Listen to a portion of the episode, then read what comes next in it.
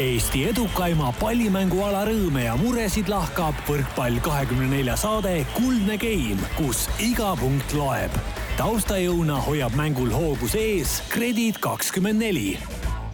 tere ja kaunist pühade aega, kahekümne kolmandat detsembrit ütleme kõigile võrkpallisõpradele sedapuhku aastase vaheaja järel Emajõe kaldalt Tartust. kahe tuhande kahekümnenda aasta lõpp on Eesti klubivõrkpallis suur peoaeg eelkõige Tallinna Selverile, kes krooniti siinsamas Tartu Ülikooli spordihoones eile õhtul üheksa-aastase pausi järel ja kokku üldse seitsmendat korda Eesti karikavõitjaks, kui finaalis saadi kolm üksjagu just Tartu Bigbankist. lisaks sellele, et saate salvestamise paik on täna eriline, on ka saate koosseis tavapärasest teistsugune, sest Kardinaldole ei ole seekord seltsi pakkumas Rivo Vesik ega vastsed karikavõitjad Rene Teppan ja Andres Toobal, kes on juba praeguseks hetkeks üle Eesti laiali perega jõule veetmas. aga väärikatest meestest täna stuudios ikkagi puudust pole. Rivo Vesiku koha võtab stuudios sisse mees, tänu kellele paljuski Rivo rannavõrkpallurina maailma tippu üldse jõudis. tere tulemast esmakordselt Kuldse Game'i saatesse, endine tipprannavõrkpallur ning täna Tartu Ülikooli sportmängude didaktika lektori ning kehalise kasvatuse ja spordi õppekavade programmijuhina töötav Kristjan Kais tere, tere, tervitan siinkohal Rivo ja kui ma teda võrkpalli õpetasin mängima, siis nüüd ma õpetan teda, kuidas raadiosaadet tehakse ja teiseks ütleme tere mehele, kes peab täna Rene ja Andrese põlvekaitsmed täitma. ole tervitatud Tartu Bigbanki peatreenerina karikavõistluste hõbemedali kaela saanud Alar Rikberg. tervist. Äh, Kristjan, alustame sinust ja alustame sellest Rivo teemast. Äh, kuidas teil omavaheline selline läbisaamine siis läbi selle võrkpallikarjääri oli, kui te pidite ikkagi aastaid veetma samades lennukites, samades tubades ja veel pealekauba ka samal väljaku poolel? no eks me trennis saime vahepeal teisele väljaku poole ka minna, et omavahel üks-ühte teha, et valdavalt ma võitsin need mängud, ma kohe ütlen ära ka, aga ei, läbisaamine oli nagu sellises korralikus abielus, ma arvan, et oli paremaid päevi, oli halvemaid päevi, oli jutukamaid päevi, oli vaiksemaid päevi et mis meid küll iseloomustas, ma arvan, oli see, et me kuidagi vaikiv kokkulepe oli algusest peale, et, et kui me nagu väljakul tülli kisume või eriarvamustele jääme, et siis me väljak, väljaspool väljakut nagu unustame selle ära. ja ma arvan, see aitas hästi palju kaasa, et äh, tihtilugu noh, ikka tuleb mänguolukorras kriisi ette ja treenerit ei ole rannas ja selline noh pinge on niikuinii kogu aeg peal ja, ja siis kas üks siis ütles välja või teine ütles välja, et pärast siis rahunesime natuke ja kui õhtul jälle kokku saime, siis äh, noh, nii-öelda oli see teema nagu unustatud, et mis väljakul oli, jäi väljakule. Äh, kui me vaatame Rivot ja tema seda teekäiku, mis on pärast rannavõrkpalluri karjääri olnud, siis kas sinu jaoks on natuke üllatav ka, et ta selle treeneriameti enda jaoks leidis ja täna ikkagi väga kõrgest klassist äh, Venemaa duot juhendab ja, ja on ka juba siis treenerina maailmameistriks kroonitud? Kui päris aus olla, siis on väga üllatav, et ta ei olnud üldse seda tüüpi, et kui me mängima hakkasime, noh, see oli nüüd juba eelmisel sajandil, eks ole, saab öelda.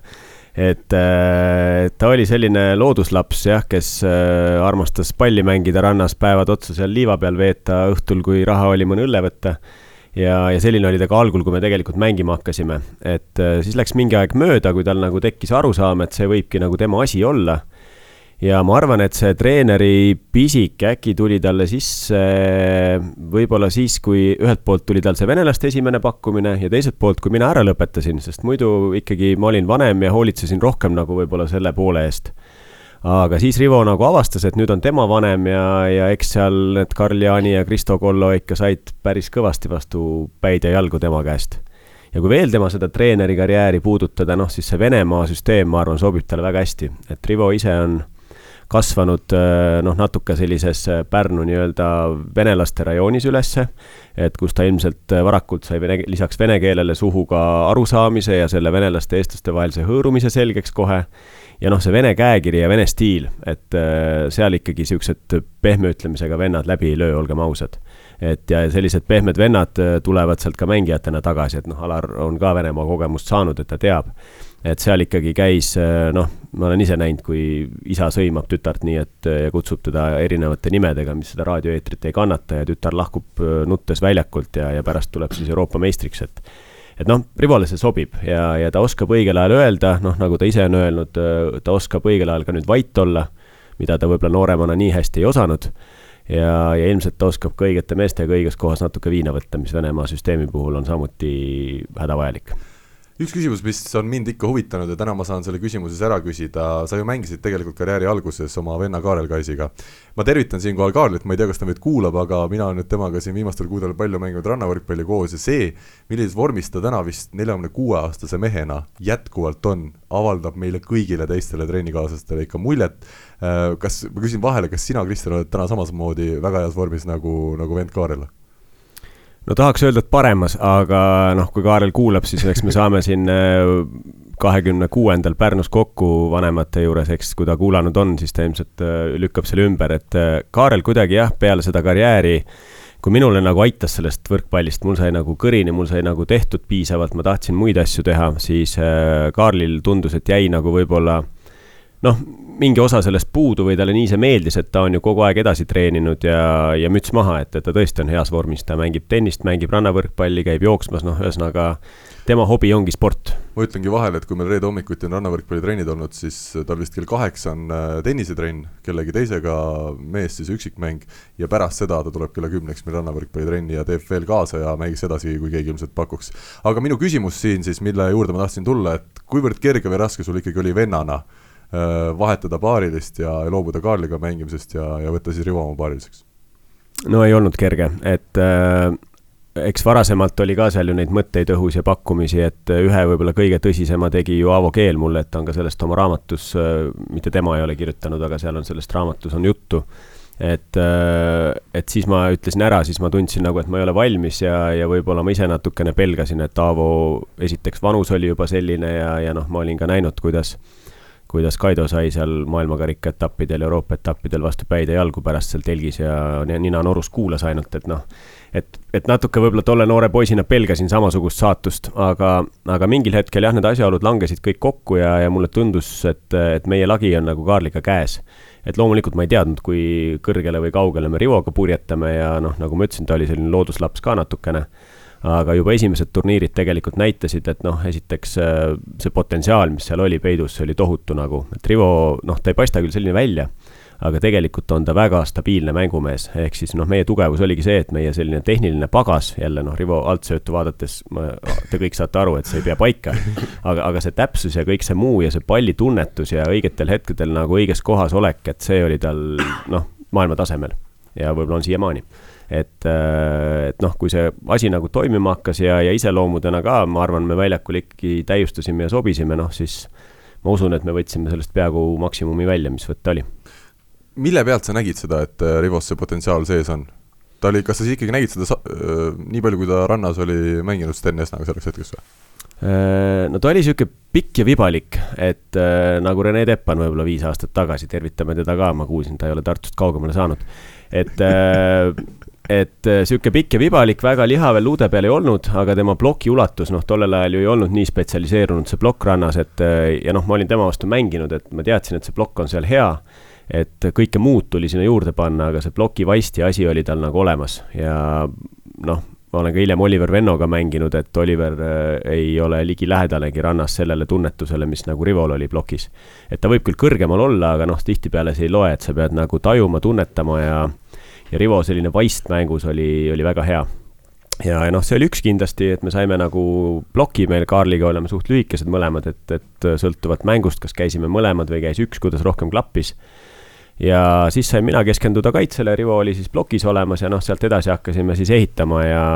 ja, ja noh, nii nagu ta läks, et aga, aga algselt jah, ta jäi silma just sellega, et esiteks ta tahtis väga, teiseks tal oli olemas pikkus, pikad käed ja, ja, ja selline noh, toores oskus blokeerida, noh, mida sai nagu siis hiljem täiustada ja mis läbi tugevamate vastaste laagrite siis täiustus ise ka juba no Alar ei ole vist elus kunagi kümme minutit järjest olnud äh, vaiki, aga praegu see hetk tekkis. Äll, äh, nii nagu sind vist sõbrad rohkem tunnevad, äh, kas sina sel ajal, kui Kais ja, ja Vesik hakkasid koos mängima, tegelesid hoopis ühe väga sellise arusaamatu pallimängualaga, mida nimetatakse indiaakaks või? ei tegelenud. teadjamad inimesed teavad, et sel hetkel algas see juba Kristjani ja Kaarli ühisest paarist ja tõsisemalt jätkus see sellest hetkest, kui Kristjan ja Rivo said koos siis äh, me tegime koos Kristjani ja Rivoga ühe mittetulundusühingu, äh, mille juhataja, ma ei saa nüüd mänedžeriks nimetada, sest seda tööd ma ei teinud, aga sellist üldist korralduspoolt äh, viisin läbi mina. ehk siis sellest hetkest, kui Kristjan ja Rivo hakkasid tipptasemel mängima, tegime me neile juurde äh, alguses koos Kristjan ja Rivoga, äh, aastakese hiljem või natuke varem viskasime Rivo juhatusest välja, siis jäime Kristjaniga kahekesi selle MTÜ juhatusse, ehk siis ma tegelesin äh, ka nende tegevuse kajastamisega, meediaga suhtlemisega, pressiteadete koostamisega, kodulehe haldamisega, et Kristjan küll ütles, et see juba oli eelmine sajand, aga minu mälu näitab küll sobrades aastat kaks tuhat kolm kui äh, Rivoga äh, sai just äh, minu arust see koostöö alguse. Ja enne seda oli Kaarliga, ehk ma olin selle asja lähedal, ma nägin neid mänge, mõnda ka laivis suuremalt jaolt, nii palju kui tol ajal võis vaadata siis erinevate digitaalsete lahenduste kaudu, pigem vaatasid sellist live score'i või ootasid seda tulemust, et kuidas nüüd seekord või teinekord läks ja ja rannavõrkpall, erinevalt võib-olla saari võrkpallist, on selline äh, mis mulle meelde jäi, kahetus, kahetsusväärne, et äh, välja arvatud see üks MK-etapp, suuremalt jaolt äh, iga uudistesari, äh, mingisugune nädalapäev hakkas see pihta, see karussell, jõuad sa isegi võib-olla supertulemuseni ja lõpuks meedia ikka kajastas, et Kaisi Väisik kaotasid kaotasid poolfinaalis või just... kaotasid viienda koha peale või mida iganes, et kõik lõppes ikkagi mingisuguse kaotusega, välja arvatud, kui see esimene ei ole. et sama nagu see meie karikasari, et üks võidab ja kõik ülejäänud tegelikult lõpuks ikkagi kaotavad mida sina mäletad sellest äh, paarist ja sellest algusest just, äh, nüüd nagu selgub ikkagi sa Indiaka kõrvalt tegelesid ka päris, päris spordi äh, juures olemisega? tegelesin küll jah, et ma arvan, et Kristjanile väga vastu vaielda ei saa, nii ta täpselt oligi ja päris põnev oli seda arengut nagu jälgida, et kõigepealt, kui Kristjan rääkis, et Aavoga, kui nad oleks koos midagi mõelnud, oleks olnud Aavo selline kapten ja Kristjan käsutäitja kui olid Kristjan ja Rivo, sama minu jaoks, et eh, kuidas Rivost üldse treener saab, et see väga loogiline ei olnud, sellepärast et selgelt selle võistkonna treener, kapten äh,, asjaajaja ja korraldaja oli Kristjan, Rivo oli täpselt äh, nagu Kristjan ka ütles, selline looduslaps ja kaasas jõlkuja ja oma asjade ärategija. Ja hiljem, kui siis Rivo hakkas mängima Kristo Kollo ja Karl Jaaniga, siis need rollid vahetusid ja minu jaoks oli päris selgelt näha, kuna ma ka nägin äh, laivis, tol ajal juba oli internetiülekandeid nii palju rohkem, kuidas Rivo ei saanud selle rolliga hakkama et äh, põhjus, miks äh, Rivo ei jõudnud Karli või siis Kristo Kolloga nii kõrgele tasemele, tegelikult ei olnud nendes tol hetkel nooremates paarimeestes, vaid asi jäi ikkagi Rivo taha, ma arvan, päris suuresti kinni. ja, ja noh, ütleme niimoodi, et rannavõrkpallis, nii nagu ka täna, aga tol ajal veel rohkem tänu süsteemile, sõltus hästi palju sellest, et palju sul enne punkte on, eh, millisele võistlusele sa peale saad ja mis asetuse sa saad. et tänu asu-, asetusele sa võisid juba saada sellise olukorra, et noh, üsna kerge on purjetada näiteks üheksandale või kolmeteistkümnendale kohale ja Rivo eh, järgmiste paarilistega tegelikult veel paar aastat elas selle hea eh, punktisaagi ja hea asetuse najal mis oli Kristjaniga välja võideldud, sest et eh, Kristjani ja Rivo karjäär lõppes ikkagi eh, noh, sellist asja praegu vaatame eh, Mart Iisar ja Kusti Nõlvak, et noh, kahju öelda, aga ma arvan, nad ei jõua mitte kuhugi sinna. Kristjan ja Rivo olid järjest maailma top kümnes hooaja kokkuvõttes ja mängisidki stabiilselt hästi aga järgmiste paarilistega ei jõudnud Rivo sinna, nüüd on rannavõrkpalli iseloom nii palju jõu-, muutunud juba, et eh, noh, mina täna ei näe ühtegi eh, rannavõrkpallipaari või inimest, kes võiks jõuda sarnasele tasemele, et olla stabiilselt ja hooaja lõpuks kõikide punktide arvestuses maailma kümne hulgas sa mainisid, et Rivo ei saanud hakkama oma järgmiste paarilistega siis seda, selle juhtrolli äh, ülevõtmisega. Ähm, kas ikkagi võib öelda siis nii lõpuks, et Rivole või Rivo kasvas hiljem lihtsalt selliseks tõsiseltvõetavaks meheks, et, et kui me täna ikkagi vaatame, oleme Rivoga koos saadet teinud ja, ja muidu koos äh, erinevaid asju rääkinud, et, et nüüd ta on ilmselt natuke teistsugune ja, ja ta on ikkagi palliväljakul, kui ta venelastel trenni annab, on ta ülimalt professionaalne, et jah, ma olen sinuga täiesti nõus, et kui sa võtad nüüd äh, Rivo tänase pea ja paned äh, sinna otsa Rivo kümne aasta taguse keha, vot siis oleks üks äh, väga vinge võrkpallur sellest kahest asjast kokku saanud. aga tol ajal see pea ei olnud, näha oli, kuidas nad ei saanud omavahel läbi ei Kristo, ei Karliga, kuidas seal oli väga palju hõõrumisi, seda oli mängu ajal ja vahepeal, kuna mängiti ütleme siis sellistel kõrvalväljakutel, oli lausa kuulda, nii nagu praegu ilma publikuta on kuulda, mis väljakul toimub, oli samamoodi kuulda, kuidas omavahel suheldakse ja see mingitel hetkedel läks päris koledaks kätte ära. et võib-olla tõesti sellest äh, professionaalsest mängimisest, omavahelisest suhtlusest tol hetkel jäi puudu, ei olnud Rivo veel eh, sellisele tasemele kasvanud ja tegelikult eh, oli see Karl või oli see Kristo, ei olnud ka paarilised veel sellisel tasemel. et eh, noh, jah, spordis tihti ongi selline häda, et pea jõuab vähe hiljem järgi ja selleks ajaks, kui pea oleks sellisel tasemel, et sa võiksid maailmameistriks tulla, siis keha on juba selline, et see enam ei kannata Kristjan, tuleme nüüd sinu ja, ja Rivoga mängimise siis äh, aja juurde tagasi. see Zagrebi MK-etapi võit on meil kõigil hästi meeles. Äh, siin Alar juba mainis, et see oli natuke ilmselt juba pärast seda, kui internetist nägime muudki kui ainult seda tulemust punkt punkti põhjal ja, ja kuskilt ikka need kaadrid on ka minul sellest ajast veel meeles. kas ühe sportlase jaoks võita maailmakarika etapp on, on ikkagi väga-väga eriline saavutus ja sinul jääb see elu lõpuni karjääri kõige, kõige erilisemaks momendiks just sportlasena? Ma arvan küll jah, et äh, et noh, jälle natuke süsteem on tänasel päeval muutunud, et kui ta tuua nagu tänase päeva konteksti, et tollel ajal neid tärniturniire ei olnud, ei olnud seda kategooriat, oli ainult Grand Slam ja siis oli tavaturniir nii-öelda. ja, ja tollel ajal tegelikult need paarid, kes olid maailmas, käisid ka kõikidel etappidel kohal valdavalt. ehk siis, kui me tänasesse võtmesse paneme, noh, see peaks olema siis kas viie tärniturniir või nelja tärniturniir, kui me räägime Kusti ja Mardi võtmes aga loomulikult see oli eriline turniir meie jaoks ja, ja see jääb mulle elu lõpuni meelde, et, äh, et ma sain veel ka tollelt nädalavahetuselt nii-öelda siis äh, turniiri kõige väärtuslikuma mängija auhinna, noh, mis tähendab seda, et ma enda jaoks tõlgendan seda, et sa oled ühel nädalal olnud maailma parim milleski. et noh, mis on uhke tunne, et äh, kui sa teed seda tõsiselt. nii et tegelikult oled ikkagi sina selle turniiri parim, et ega see Rivo lihtsalt noh, vedas kaasa ja, ja sai oma puuted ka enam-vähem tehtud, jah?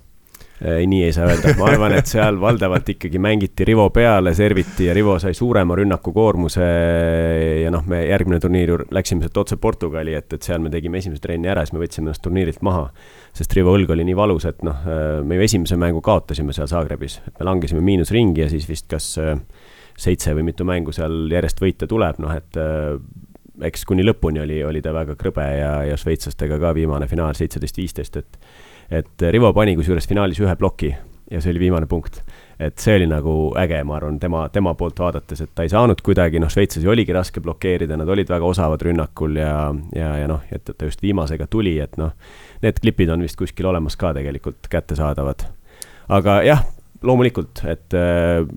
noh, kui nüüd mitte kõige eredam, siis noh, eks MM-i viiendad kohad, eriti esimene, mis Berliinist tuli, jääb ka meelde, et, et need nimekad vastased, keda seal võidetud järjest sai, aga, aga see on jah, üks selline äh, mis kaasnes ka Eesti hümniga ja, ja sai pjedestaalil seda laulda ja Eesti lipp tõusis kõige kõrgemale ja noh, sportlased äh, teavad, mis see tähendab, et, et pisar tuleb ikka silma. jah, ma ütlen nagu kõrvale, et äh, kui me vaatame praegu mingisuguseid tulemusi, tõesti, Kristjan rääkis neist tärnidest, et sa jõuad äh, pjedestaalile mingisuguse kolmanda, kolme-nelja tärni turniiril, noh neli ongi see, kus see tõsine tase algab ja sel ajal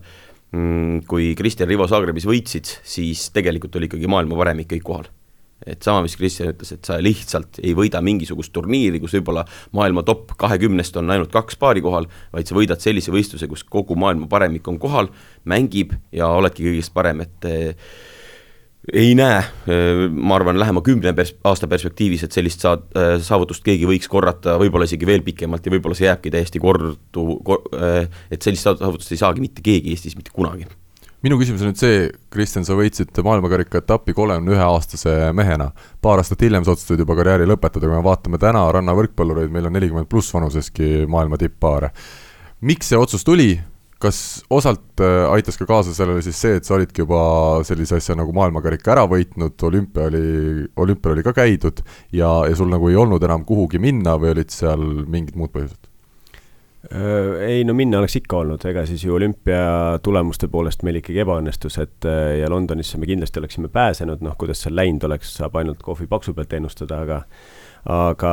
ma väsis pea ära, ma arvan, et kogu see karussellis tiirlemine, et kuus kuud välismaal, kodust eemal, äh, noh, tollel ajal käis juba kodu rajamine ja, ja noh, et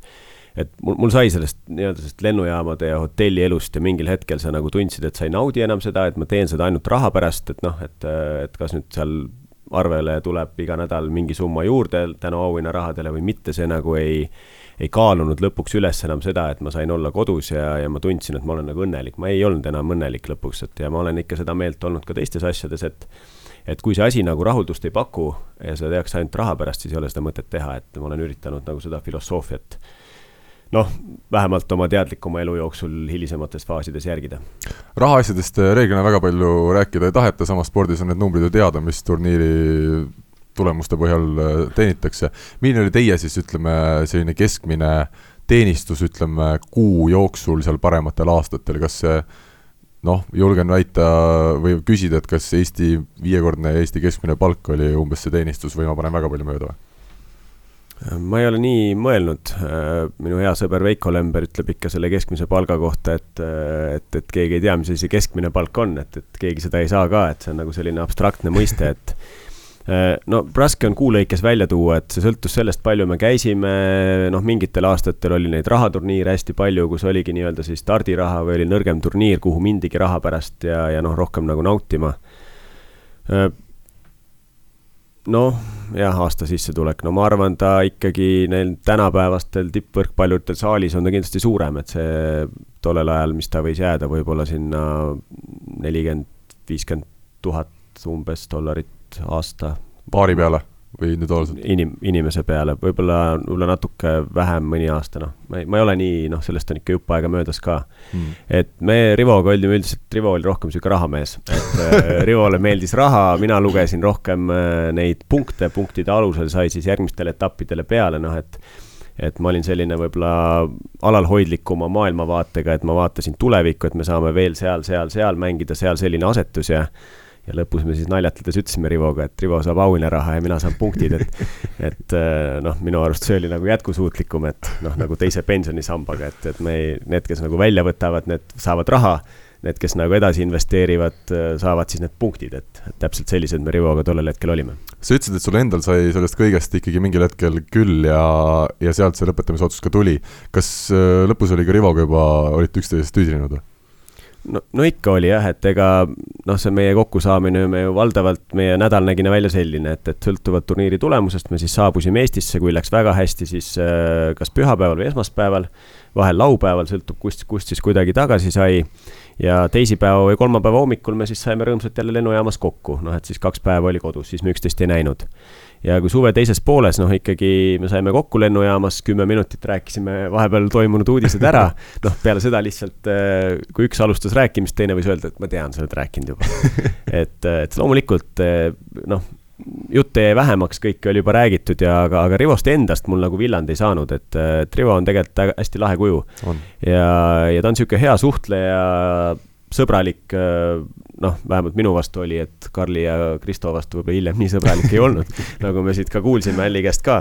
et. aga ma arvan, et ma ütlen lihtsalt vahele, et ega ta ju paha ei tahtnud kummalegi, tema lihtsalt äh, ilmselt siis ei, ei suutnud tolles hetkes äh, paremini hakkama saada selle olukorraga. Äh, jah, noh, tõetera on ilmselt ka see, et, et ta tundis, et, et kuna tema võib-olla noore poisina on saanud nii-öelda vastu päid ja jalgu seal, et siis ta peab justkui sellele nooremale generatsioonile ka andma niimoodi samasugust tagasisidet, et see nagu peab nii olema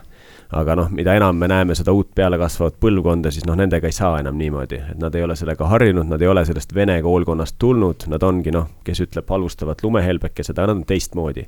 ja neid tuleb nagu mõista pigem, ma usun, ja, ja noh, võib-olla Rivo sellel hetkel siis ei suutnud nii hästi, kuigi ta inimesi tunneb väga hästi tegelikult. Aga jah, see otsus tegelikult, ma võtsin selle otsuse vastu, ma mäletan väga hästi, see oli MM-il, see oli Stavangeris. Ja ja see oli suve keskel, aga ma lubasin endale, et ma Rivole midagi ei ütle. et ma mängin hooaja lõpuni ilma talle teada andmata, meie see hooaeg tuli meil väga hästi välja, me lõpuks lõpetasime äkki seitsmendana kogu, kogu selle maailmakarika hooaja lõpus. ja, ja lõpuks siis see pott kees mul üle, meil oli viimane turniir oli käimas, see oli EM Sotšis ja, ja siis esimese mängu vist võitsime, teises olime, jäime pikalt taha, kas itaallaste või kelle vastu mängisime, ei mäleta. ja noh, siis me läksime seal ragistama natuke ja siis mul nagu plahvatas ja siis Rivo tuli, küsis pärast mängu, oot-oot, et kas sa nüüd mõtlesid seda tõsiselt või et noh, et see tuli nagu sel hetkel tema jaoks üllatusena, aga mul oli nagu mõeldud välja, kellega ta võiks mängima hakata, noh, nii-öelda see plaan edasi, ma haldasin neid rahaasju ikkagi edasi, noh, need enda eest kuni lõpuni välja, kuni Rivo mängis, et äh, noh, olemasolevate toetajatega rääkisin ja noh, ühesõnaga. et olin ikka toeks jah, loomulikult, et, äh, et ka treenerina siis nii palju mõnedes kohtades aitasin, kui palju aega ja et kui ma räägin nagu tulemustest, mis Kristjan Rivo puhul oli, ma arvan, mis realiseerimata jäi, sest et äh, iga turniir ikkagi sa vaatad selle turniiritabeli ära, et sealt see, see tuleb võit. Ja Kristjan Rivo puhul sai eeldada, et äh, noh, kui on väljaspool nagu maailma top kümne vastaseid, siis eeldad juba, et sealt nad lähevad edasi, sealt lähevad edasi, vahepeal juhtus üllatuskaotusi, aga tegelikult see stabiilsus ja tase oli olemas. Ja mina arvan, mis tegemata jäi, Kristjan võib-olla, võib-olla vastu, vaidleb vastu, võib-olla nõustub, oli tegelikult EM-id sest et seal oli mitu korda näha, et sa juba oledki op, lihtsalt nelja hulgas ja seal enam ei ole neid väga tipppaare, sest brasiillasi, ameeriklasi ei olnud kohal. Ja mina nagu lootsin küll, et EM-medaleid ja isegi kulda tegelikult noh, oleks võinud mingi hetk võtta. Jah, no EM, need nii-öelda e-, Euroopa karikaetappidelt me saime nii hõbedat kui pronksi omajagu, aga jah, see üks EM tõeb, Rivo on sellest rääkinud ka, et kui meil oli austerlastega poolfinaal, me olime selgelt nagu minemas finaali ja arst ju soovitas austerlastel üldse mitte edasi mängida, sest ma olin ühel mehel seal prillid katki löönud ja silma veriseks löönud palliga, et ma lisan igaks juhuks, et keegi valesti aru ei saaks.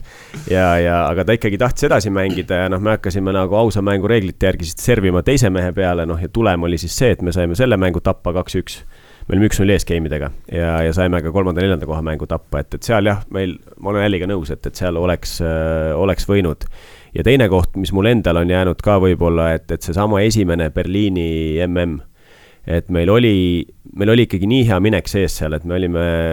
noh, järjest võitnud, ma ei tea, kas nelja või viite vastast, kes olid edetabelis meist eespool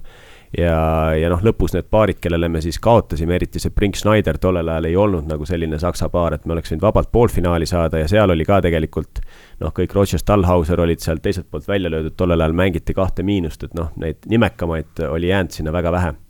et, et see oli ka koht, kus kindlasti oleks võinud võtta.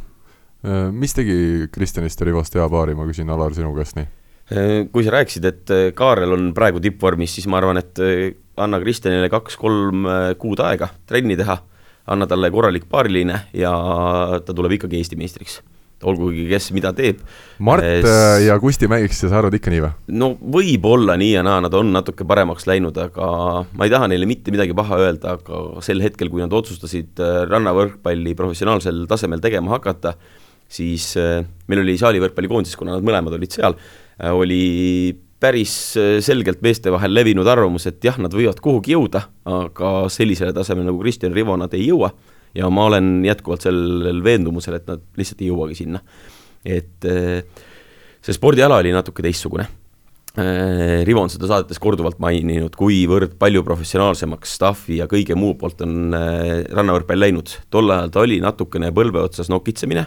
mingisugused paarid, kellel olid treenerid, väga paljud paarid, kes lihtsalt käisidki turniirilt turniirile mängimas, noh tegelikult ütleme ausalt, ka Rivo ja Kristjan tegid sedasama, Kristjani näol neil oli olemas paari sees tipptasemel treener, kes oskas seda asja juhtida ja kes oskas neid mehi vormi ajada.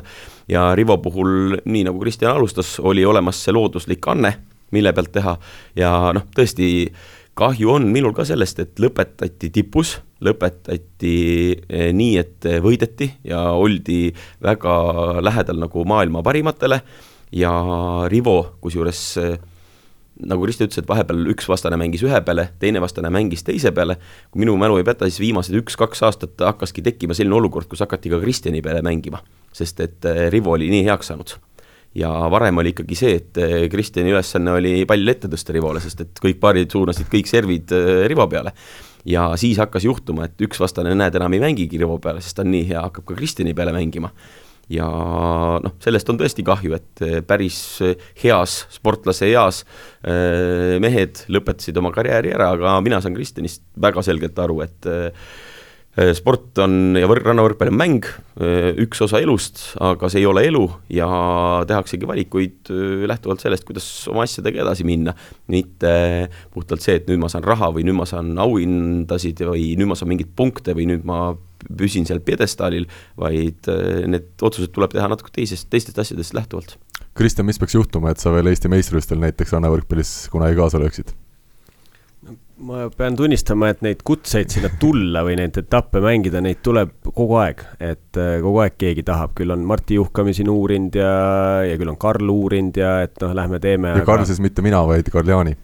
Äh, no sul on ikka mingisugune filter vahel, ma arvan, et sa saad aru, et sa pead veel kõvasti trenni tegema, enne kui sa saad pöörduda, aga sa oled teel sinnapoole, et Äh, aga jah, ma kuidagi ei taha, noh, nad, ma nad on ka kutsunud ennekõike Tartusse mängima, et ma olen ka kõigile öelnud, et ma olen Tartu etappi mänginud, ma ei tea, neli, viis, kuus korda Kaarliga, Rivoga, Olkuga ehk siis Oliver Vennoga, ma ei mäleta, kas kellegagi veel, kõik sada protsenti võidud. et ma nagu ei taha kuidagi, et see on äh, kuidagi jälle sihuke ilus mälestus, mis on jäänud, et ja, ja kui sa oled sporti teinud kõrgel tasemel, siis äh, noh, sul jääb mingisugune mälestus ja, ja noh, on ka mingisugune ilmselt selline aukoodeks või asi, et noh, kui ma siis läheks, et äh, ma tahaks olla heas vormis, et ma ei taha minna lihtsalt äh, sinna tiksuma seitsmenda koha peale, noh, jälle teab mind väga hästi. et siis ma teekski trenni põhjalikult, äh, kui kõrgele ma jõuaks, ma ei tea, et äh, aga ma arvan, et pigem seda ei juhtu, et äh, noh kellele ma siis midagi tõestama pean, et see nagu tundub selline noh, ise, ühest küljest oleks põnev väljakutse, aga noh, teisest küljest nii palju muid asju on ka teha, see on nagu läbitud etapp ja eks ma mäletan neid põlvevalusid ja, ja valuvaigistite söömist ja et noh, ma ikkagi suutsin valuvaigistitega oma keha nii tuksi keerata, et et pool aastat hiljem immuunsüsteem nagu taastus normaalselt, et noh, seda aega nagu väga ei igatse taga Äh, kui me rääkisime siin vahepeal või kui me kuulasime, teie rääkisite võrkpalliväljaku suurustest, mingisugused saated, et kaheksa korda kaheksa või üheksa korda üheksa meetrit on see üks plats, siis noh, see, mille pealt ma julgesin ka öelda, et Kristjan oleks nii hea, et äh, olles temaga vahepeal siin aastate jooksul mänginud, siis äh, Kristjan ikkagi leiab selle ühe ruutmeetri seal ristnurgas ülesse mm. -hmm. ja selliseid mehi ei ole nagu palju, kellel on pall ees ja kellel on täpselt see osavus, et nüüd ma suunan sinna ristnurka või sinna ette selle palli et saalivõrkpallis on palju mehi korraga platsil, seal võib-olla see ei ole nii määrav, aga rannavõrkpallis see platsitunnetus, et sa tead, kuhu see pall läheb, kas ta läheb kaheksandasse meetrisse, kas ta läheb viiendasse meetrisse või esimesse meetrisse, oskus äh, joonistada siis äh, erinevaid punkte, vot see on see, mida ei ole ammu nagu näinud ja noh, midagi ei ole teha, tegelikult rannavõrkpall ongi selliseks näinud, et keegi enam ei joonista neid asju, asju lahendatakse jõu pealt nii palju ära et eh, sellist rannavõrkpalli, nagu Kristjan ja Rivo ajal oli, kui eh, kasutati seda kaheksa korda kaheksat, siis eh, kõiki neid ruutmeetreid osavalt ära, siis ma usun, et seda ei tulegi tegelikult tagasi, et see mäng ongi nii palju läinud võimu peale ja noh, see on võib-olla isegi loomulik areng. Meie rannavõrkpalli teemalise esimese osa lõpetuseks ma küsiksin nii, et meil on täna meestest neli mängijat, kes tegutsevad siis professionaalsete rannavõrkpalluritena aastaringselt mõned neist teevad veel tööd kõrvalt, aga ikkagi see treeningvärk on väga tõsine. Äh, Mart Tiisar, Kristjan Õlvak, Dmitri Korotkov ja Timo Lõhmus, äh, kui nüüd teie vaatate nendele meestele otsa, siis äh, milline oleks kõige tugevam duo ütleme paari aasta pärast näiteks, hetkel siis mängib Kusti Mardiga ja, ja Timo Tiimaga, aga aga on seal mingisugune teine duo, mis, mis klapiks veel paremini? no neid vaadates noh, ütleme nii, et Timo ja, ja Dima on ikka väga toorikud veel, et aga kui vaadata samamoodi potentsiaali ja meestele peale, siis tegelikult Mart on mulle alati meeldinud, et mulle siuksed pikad pokimehed meeldivad, neid on võimalik nagu mängima panna ja õpetada, tõste on ka tal väga heaks läinud. et äh, mina näen kõige suuremat potentsiaali siis neist kolmest kaitsemängijast tegelikult Timos, ehk siis mina paneksin Timo ja, ja Mardi ja noh, Mart äh, on ainuke plokimees, olgem ausad, neist neljast, et, et Mart peab olema. maailma tasemel, eks ole. no täpselt jah, et, et, et mina paneks äh, Mardi ja Timo jah, näeks seal kõige suuremat. mina ütleks niimoodi, et Kristjaniga selle paari poolt äh, nõus, aga kui me tahaks kuhugi kõrgemale jõuda, ehk siis võita ütleme siis neljanda-viienda tärni etapi äh, medaleid, jõuda poodiumile rahvusvahelistel tippvõistlustel, siis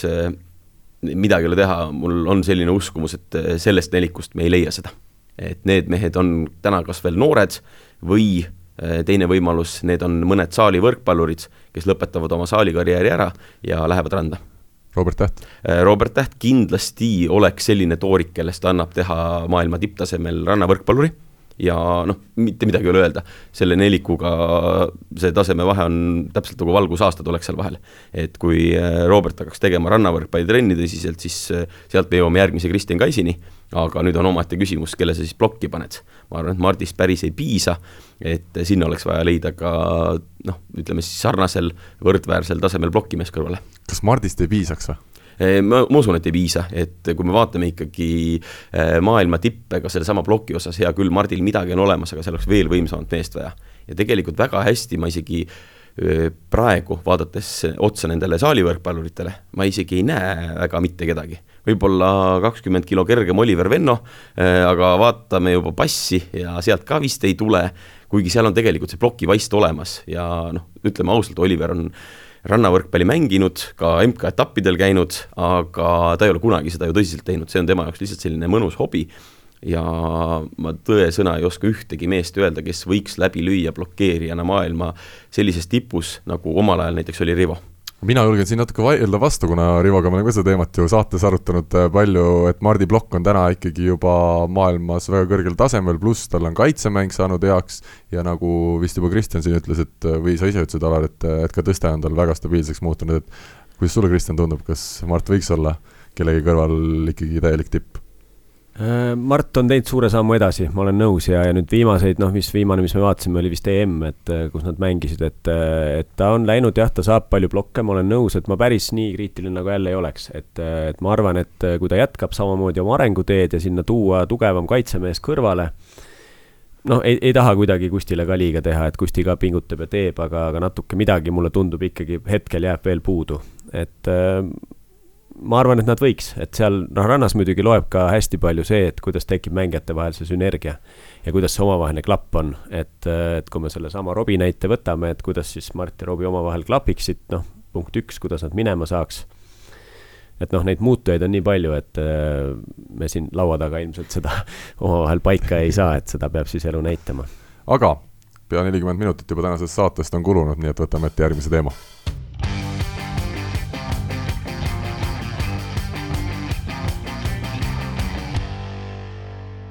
karikafinaal siis oli tänavusel kahe tuhande kahekümnendal aastal ainuke tiitel, mis Eesti klubivõrkpallis välja mängiti ja, Tallinna Selver selle mängu võitis kolm-üks, olgu loetud siin ka game'ide skoorid ette, kakskümmend üks, kakskümmend viis, kakskümmend viis, kakskümmend, kakskümmend viis, kaheksateist ja kakskümmend viis, kakskümmend kolm.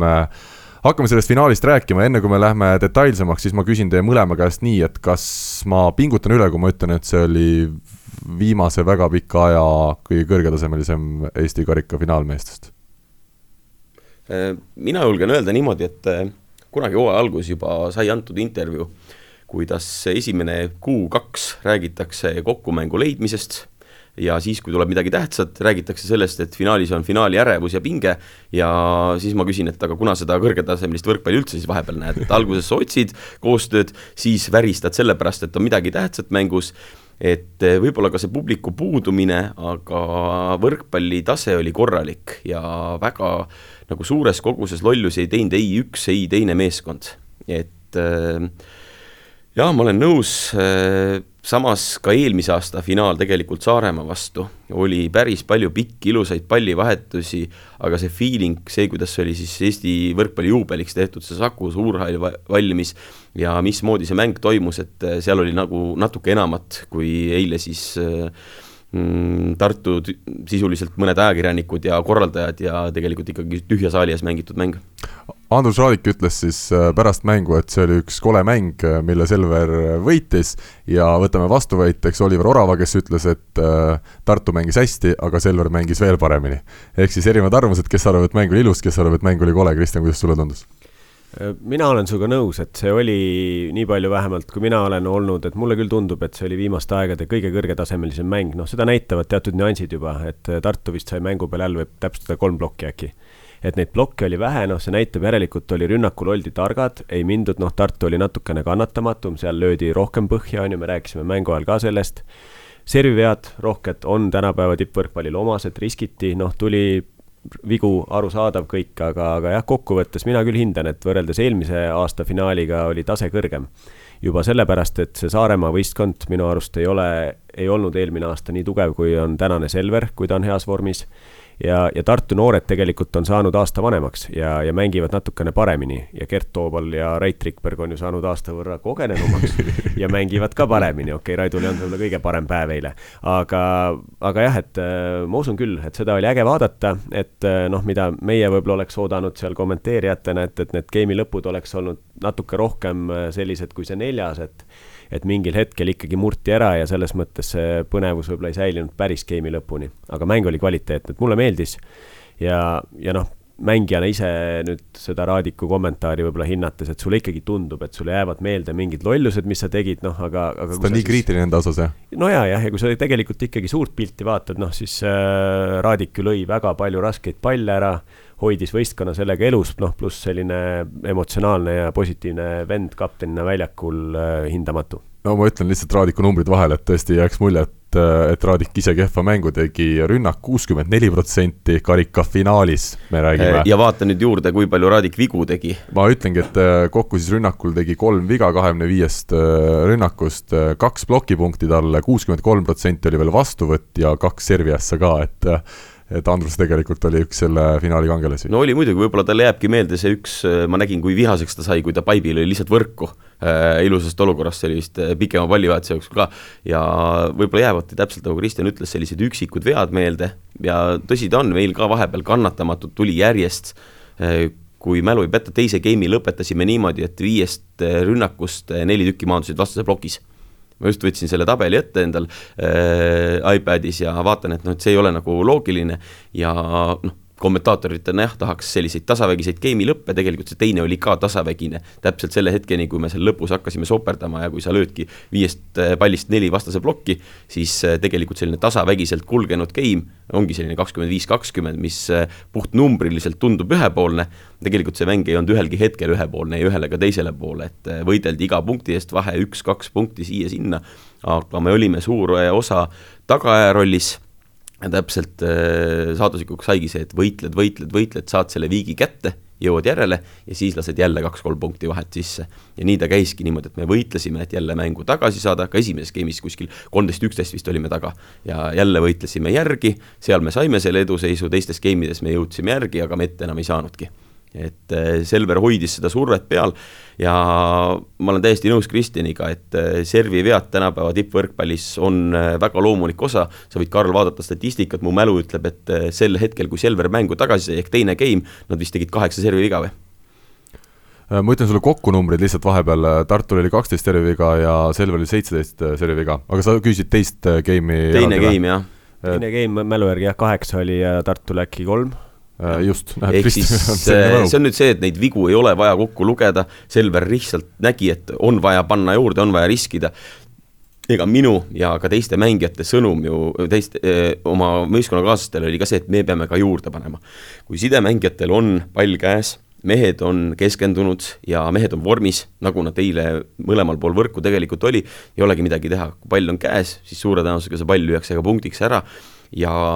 on vaja serviga vastast survestada Äh, proovisime ja noh, kas või seesama teine game, et tegelikult kui sa teed kolm viga äh, terve game'i jooksul, äh, see näitab seda, et seda riski oleks võinud panna veel rohkem juurde. Ja päris naljakas on olnud ka varem, et ma olen seda ka öelnud, oli üks Saaremaa mäng, kus vigu teevad planeeriva servi mehed ja need hüppeltservi riskeerivad mehed teevad terve mängu peale näiteks kamba peale kolm viga ainult löövad äh, veel rohkem ässasid ja siis sa mõtledki, et noh, hea küll, et viga ei tahaks justkui sood-, soodustada, aga tahaks äh, survestada meest veel rohkem riskeerima. aga no noh, neid palle, mis kukkusid, äh, kui sa võtad näiteks Selveri libero, lihtsalt kõverate kätega ja ühe käe pealt ideaalselt võrgu peale, oi jumal, kui palju neid eile oli, et seal ei olnud nagu sellist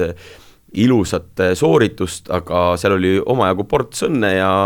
selliseid mehi, kes kas sirge jala või kõvera käega ilusti palle vastu võtavad, on Eesti võrkpallis siin viimastel aastakümnetel omajagu olnud. ja eile nad ka tulid ja olidki täpselt sidemängijal ilusti käes ja meil ei olnud mitte midagi teisel pool teha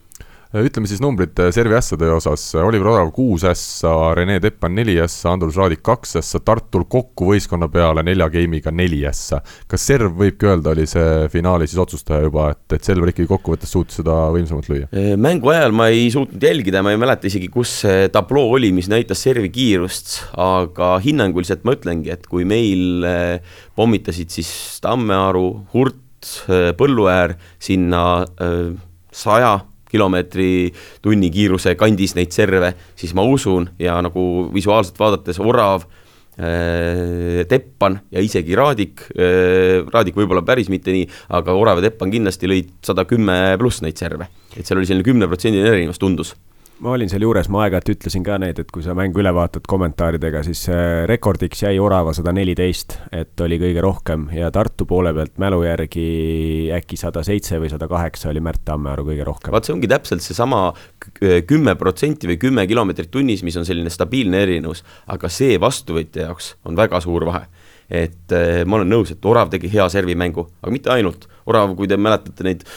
Saaremaa mänge, kus ta alustas ja täpselt samamoodi ka eile juba alustas sellise üliagressiivse võimsa serviga. et seal vedas ka, et lõi ühe peale piiri, ühe ässa Kaibaldile, siis järgmise, Kaibald oli selleks valmis, tuli trossist, põrkas natuke teist, teisele poole, jälle tuli ässaks, et nii Orav kui Teppan hoidsid meid ikkagi väga hullu surve all ja lõid maailmaklassi servi, seal ei ole mitte midagi teha. ja meil on täpselt natuke puudu, Karl mäletab hästi, me käisime äh, trennis ju servi kiirust mõõtmas ja meie mehed saidki sinna saja seitsme kanti oma servid. ja see ongi nende tase ja vahepeal sa joonistad nad äh, nurkadesse, ristnurkadesse või natuke lühemalt ja saad tänu sellele, aga äh, seal on väike selline kiiruse, mis tuleb siis võimust äh, vahe sees ja see on Selveri kasuks. ja Selveril äh, sel hooajal tõesti on palju häid servijaid, äh, tuleb vahetusest Kristo Kollo, teeb seda samamoodi ja ka planeeriva puhul, kui me vaatame seda Renet Vankeri servi, siis tegelikult on ikkagi agressiivne. mingi hetk me jäime sellega hätta, aga seal natuke taktikaliselt ma isegi ei saanud aru, mis põhjusel mehed liikusid nii, nagu nad ei oleks pidanud liikuma ja me oleks tegelikult võinud natuke need Reneti mõned serviseerijad, mis tekkisid, esimesega ära lahendada. aga valus on see, et eh, tuleb servijoone taha orav või tuleb servijoone taha teppan. esimene pall, mehed on hästi valmis, mängitakse kõrgele kolme meetri peale see pall kätte ja see on nüüd see koht, kui sa näed, et vastasel on see hea servija, heas hoos olev mees servijoone taga, siis nüüd on vaja see pall ette tõsta ja rünnakul ära lahendada. ja me ei lahendanud ära, sealt tuli vigu, sealt tuli nagu selliseid rumalaid otsuseid või siis Selver mängis hästi plokis kaitses, sai selle palli kätte ja kui nüüd on mehel hoog sees, esimese servi on pannud selline, et vastane päästab kuhugi kolme-nelja meetri peale, järgmisele ta paneb veel juurde, sest tal on hea tunne sees, ülejärgmisele ta paneb veel rohkem juurde ja sealt tekivad need serviseerijad, sealt need vahed tegelikult tekkisidki mul tekkis kiiresti üks vahele küsimus ka, kui sa ütlesid, et lüüakse tugevat hüppelt pallingut, et siis ongi, kas see suunis ongi see pall mängida kõrge kaarega sinna kolme meetri juurde, mitte riskida, et mängida palli sinna sidemängijale võrgu alla, et mina kommentaatorina ikka tihti olen öelnud, et kui kolme meetri juures, siis ei ole hästi käes äh,, aga tegelikult see ongi plaan, jah? sul on täiesti õigus, ehk siis kui on servijoone taga Teppan, kui on servijoone taga Orav teisel pool, siis kogu taktika ongi see, et eh, kuna saal oli ikkagi tippvõrkpalli jaoks sobiv, kõrge, eh, suur, eh, TalTechi saalis sellist asja ei saa teha, seal peab surmama, seal peab hoopis teistmoodi mõtlema, aga meie taktika täiesti selgelt oligi nende puhul, et anname nüüd kõrge kaarega kolmele me-, kolme meetri peale, mõni läheb võib-olla paremini või vastasel ei õnnestu nii hästi, saab ka lähemale mängida, aga sellises situatsioonis see ongi hea vastuvõtt. kui me mõtleme tagasi nagu Eesti koondise peale, siis äh, sellesama kolme meetri peale vastuvõtu stiili tõi Eesti koondis Gretu. Ehk siis Gianni puhul oligi see, mida, mis noh, tuli nagu maailma tippvõrkpallist, kuna serv juba ongi nagu peaaegu rünnak, sa mängidki kaitset ja selle kaitse eesmärk ei ole riputada ideaalselt võrgu peale, sealt võib ta üle minna, sealt võib igasugu jamasid tekkida, vaid see ongi kahe-kolme meetri peale kõrge kaarega see pall hoida, et sealt saaks edasi mängida ja lahendusi leida. ja kui sul on võimsad temporündajad, tegelikult kolme meetri peal oleval vastuvõtul on sul veel tempo ka ohtlik. ja noh, olgu see Gert või mõni muu sidemängija, sealt on võimalik ka veel keskelt üllatada aga jah mm,, selles osas on sul õigus, nüüd eelmine aasta minu jaoks oligi päris põnev, kui tuli Cedric Eesti koondise peatreeneriks, kõik treeningud ehitati üles hoopis juba teistmoodi. Ja me ei räägi enam palli päästmisest kolme meetri peale, vaid kõige tavalisemates tehnikatrennides. Me räägime sellest, et iga pall üritatakse and-, üritatakse anda võrgu lähedale ideaalselt ja pannaksegi sinna eraldi veel eh, mingisugused kummilindid, et oleks õige kaar pallil, et ta oleks piisavalt kõrge üle selle lindi ja et see pall ei oleks kahe meetri peal, vaid see olekski täpselt võrgu all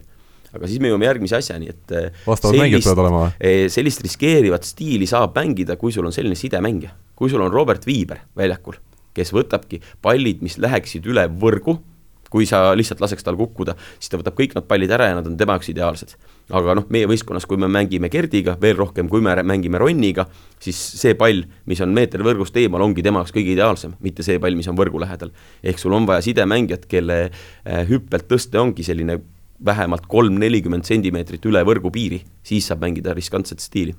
Stefan Kaibald oli täna, oli eile Tartu meeskonna algkoosseisus äh, Albert Hurda asemel, arvestades seda, et äh, selle näpuvigastuse tõttu oli päris pikk mängupaus Kaibaldil ju sisse tulnud, äh, siis see oli päris üllatav käik sinu poolt. ma tean, et hooaeg on poole peal ja võib-olla sa päris lõpuni kõiki oma kaarte avada ei soovi, aga miks sa Kaibaldi otsustasid algkoosseisu panna? ikka võin kaardid avaldada, sellepärast et ei ole ju vaja varjata seda, et see, mida me iga päev saalis teeme, see, kuidas mehed trennis mängivad see peab ka kuhugi realiseerima. peatreeneri üks otsus ja vastutus on see, äh, millised mehed ta paneb platsi peale, ükskõik milliseks mänguks. ja ei ole salata, äh, tegelikult see mängupaus ei jäänud pikaks, ta oma katkise näpuga tuli päris kiiresti tagasi ega ta tänaseks ei ole minu teada tal veel kokku kasvanud, nüüd on meil aeg kõikidel meestel, mitte ainult Stefanil, vaid paljudel teistel ka haavade lakkumiseks ja oma tervise korda saamiseks, et see ongi meil nüüd detsembri lõpp pluss jaanuari esimene pool plaanis, aga Stefan oli terve nädala kõige parem nurgaründaja trennis. Ja midagi ei ole teha, kui üks mees on kõige parem, kuigi ta mängis päris tihti isegi Ronniga teisel poolel, viimastes trennides ma hakkasin teda nii-öelda põhipoolele üldse kasutama ja küsisin ka Argo käest, ma arvan, et see oli siis mängupäeva hommikune trenn, et kelle sina paneksid äh, nurgaründajatest platsile, siis ta naeris ja ütles, et äh, kas sa tahad öelda mulle nüüd seda, et äh, Stefan on kõige parem trennis olnud. ma ütlesin, noh, kuidas sulle tundub, noh täpselt nii ta ongi. ja kui mees on trennis kõige parem, ma ei näe mitte mingit põhjust, et äh, teda karistada sellega, et nüüd ta alustab siis pingi pealt äh,, sellepärast ma ta platsile paningi aga see algus ei õnnestunud ja nagu me rääkisime ka, et seal oli natuke vist õnne ka, et need vist orava servid seal täpselt äh, sedasi võrgutripsust veel tulid ebameeldivalt äh, üle ja, tekkis ebakindlus ilmselt. no kui keegi nüüd äh, vaatab selle mängu üle, siis on viktoriini küsimus, mitu tõstet Gert andis esimese game'i jooksul, mis me võitsime Stefan Kaibaldile. kas selle vastuse võib kohe öelda või? see vastus on üks ümmargune baranka. Gert ei andnud talle mitte ühtegi palli ta sai ühe, ma ei mäleta, kas see oli esimeses game'is ühe palli vist, eh, kas Põllukas või keegi teine tõstis lihtsalt hädapalli talle. ehk siis me mängisime esimese game'i niimoodi, et üks mees ei saanud mitte ühtegi tõstet. teise game'i keskel sai ta mängu esimese tõste. miks? Eh, seda võib, seal on nagu erinevaid asju, ma ei usu, et see nagu Gerdil oli teadlik, sidemängijana Gert on ikkagi nii tark, et ta vaatab, kuidas see mäng jookseb ja voolab. ja ta ei jäta nagu ühte meest lihtsalt kõrvale aga võib-olla olid sellised olukorrad, võib-olla tol hetkel, kui ta oli eesliinis, ei olnud seal äh, sellist vastuvõttu või ta oli ise pärast vastuvõttu pikali läinud või mis iganes. et seal on nagu erinevad asjad või ka see, et äh, Siim Põlluäär mängis äh, super esimese game'i ja lahendaski olukorrad ära ja oligi vaja tema pealt mängida üldsegi. aga neid põhjuseid on erinevaid ja tegelikult noh,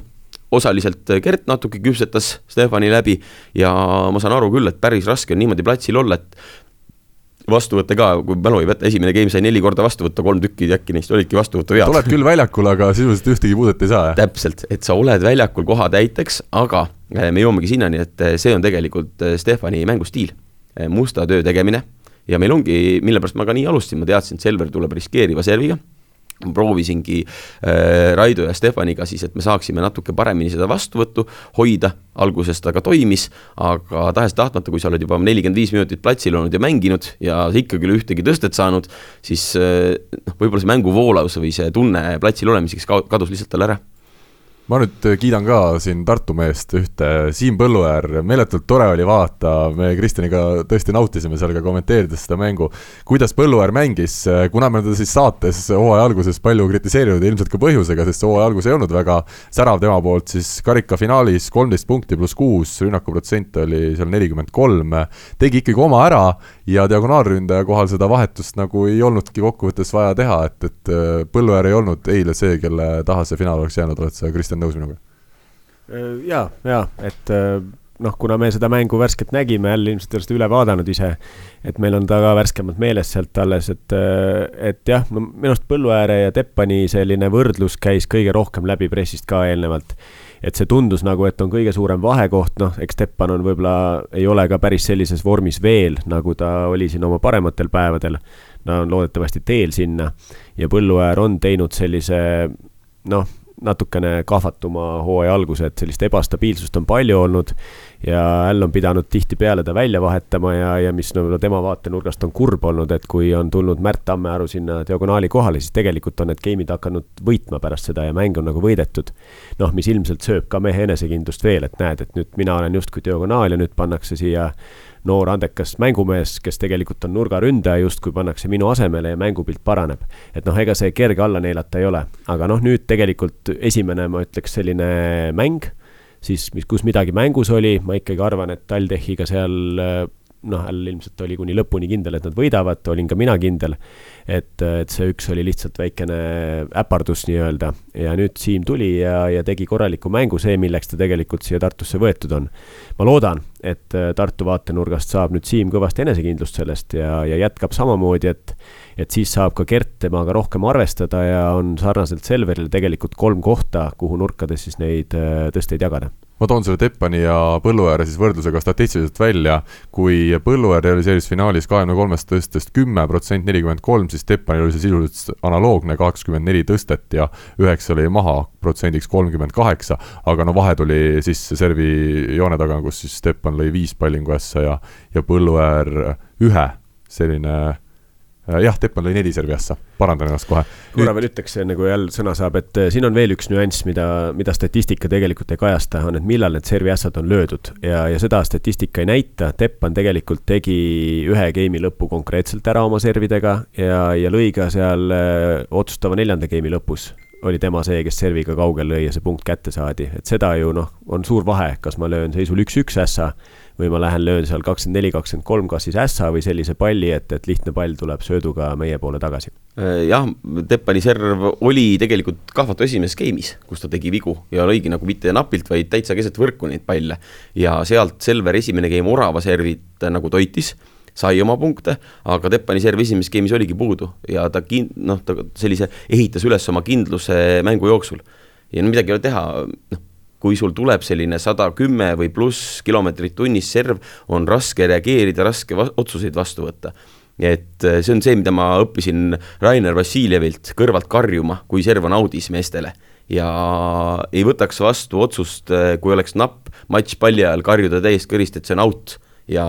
Märt võttis tegelikult viimase outpalli ära, see Teppani serv oleks vähemalt meetrik out'i lennanud ja ta ei jõudnud reageerida lihtsalt ja sealt see matšpall ja mänguvõit tegelikult Selverile tuli. oleks Teppani servi rahulikult lasknud minna, oleks ta meeter out'is olnud, seis kakskümmend neli, kakskümmend neli ja me oleks edasi mänginud seda mängu. aga Siimu puhul, seal on nüüd üks selline oluline asi, et ma meestele ka mängu ajal seda ütlesin ja seda on nagu näha, et kes kuidas tahab see, kuidas Siim võitles, ükskõik, kas see on rünnakul, servijoone taga, kaitses, eh, julgestuses, mis elementides sa näed, et mees nagu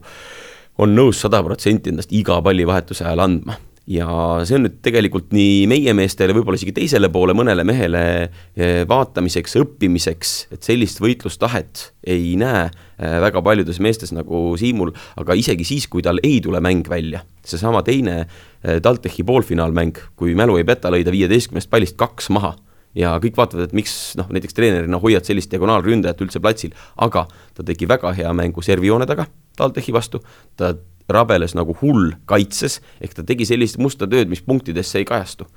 Vahet pole, kui sa lööd viieteistkümnest kaks, pluss ka plokis, eile ta oli ka meie parim blokeerija, kes sai kõige rohkem puuteid ja kõige rohkem ka plokipunkte. et äh, isegi diagonaalründaja, kes peaks olema punktimasin, saab võistkonnale kasulik olla, kui rünnakut ei tule mingisuguste teiste elementidega. et kui mul oleks eile olnud kuus-seitse meest platsil sellise äh, emotsiooni ja võitlustahtega nagu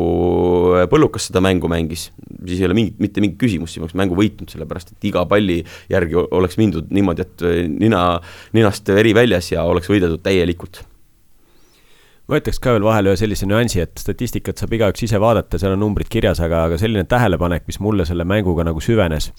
oli, korra tuli jutuks ka meil kommenteerimise ajal, et äh, minu arust Tartu Bigbank mängis oluliselt paremini kaitses, noh, need ei kajastu mitte kuskil statistikas, mängis tsoonis üks. ehk siis Siim ja Gert on öö, äh, oluliselt paremad kaitses, olid eile, kui, kui seda siis nende nii-öelda konkurendid Renet ja, ja Rene. et noh, Renet üldse, ma ei tea, kas närvilisusest või ta seisis kaitses ikka väga palju valede kohtade peal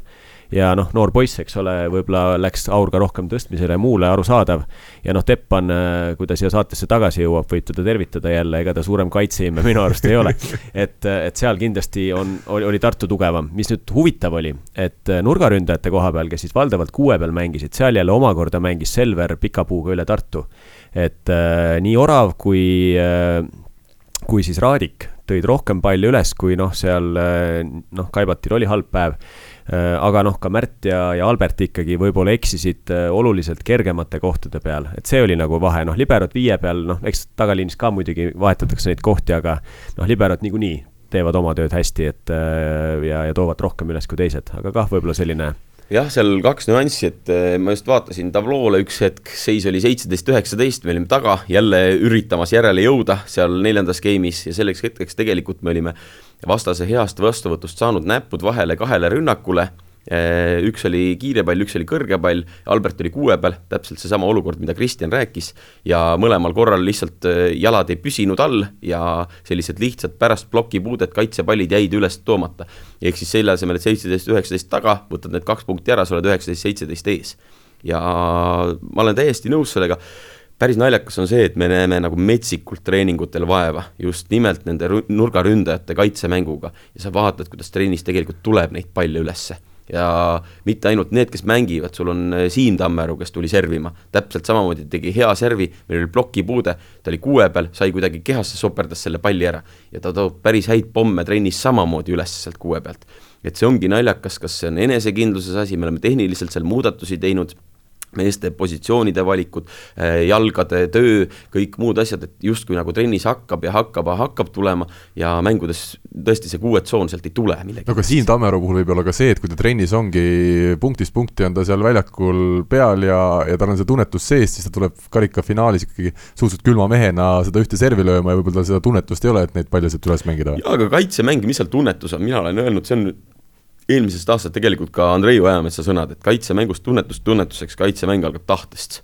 ja isegi kobamees, eh, ma Teppanit eh, nii palju võib-olla isegi kritiseeriks, nagu Kristjan seda tegi, sest et Teppani kaitsemängus toimus murrang kaks-kolm aastat tagasi no enne seda võib öelda tõesti, et kaks vasakut kätt ja mitte ühtegi palli sealt üles ei tule. nüüd vaatasin neid viimaseid mänge, kui nad mängisid TalTechi vastu, kui nad mängisid Ekapilsi vastu ja need Saaremaa ka, Teppan tassis ühe, äh, ühe tsoonist siis ühe käega palle ülesse ja tõesti sellised korralikud löögid, nad jäid kuhugi ikkagi platsile ja noh, ta on üldiselt paremaks läinud ja aga teistpidi ma olen nõus, et eile ta ei teinud kaitses väga midagi. et eile sealt ei tulnud, aga tegelikult tema kaitsemäng on üks nendest elementidest, mis on olnud tal nõrk, aga viimaste aastatega on päris tõsiselt äh, paremaks läinud.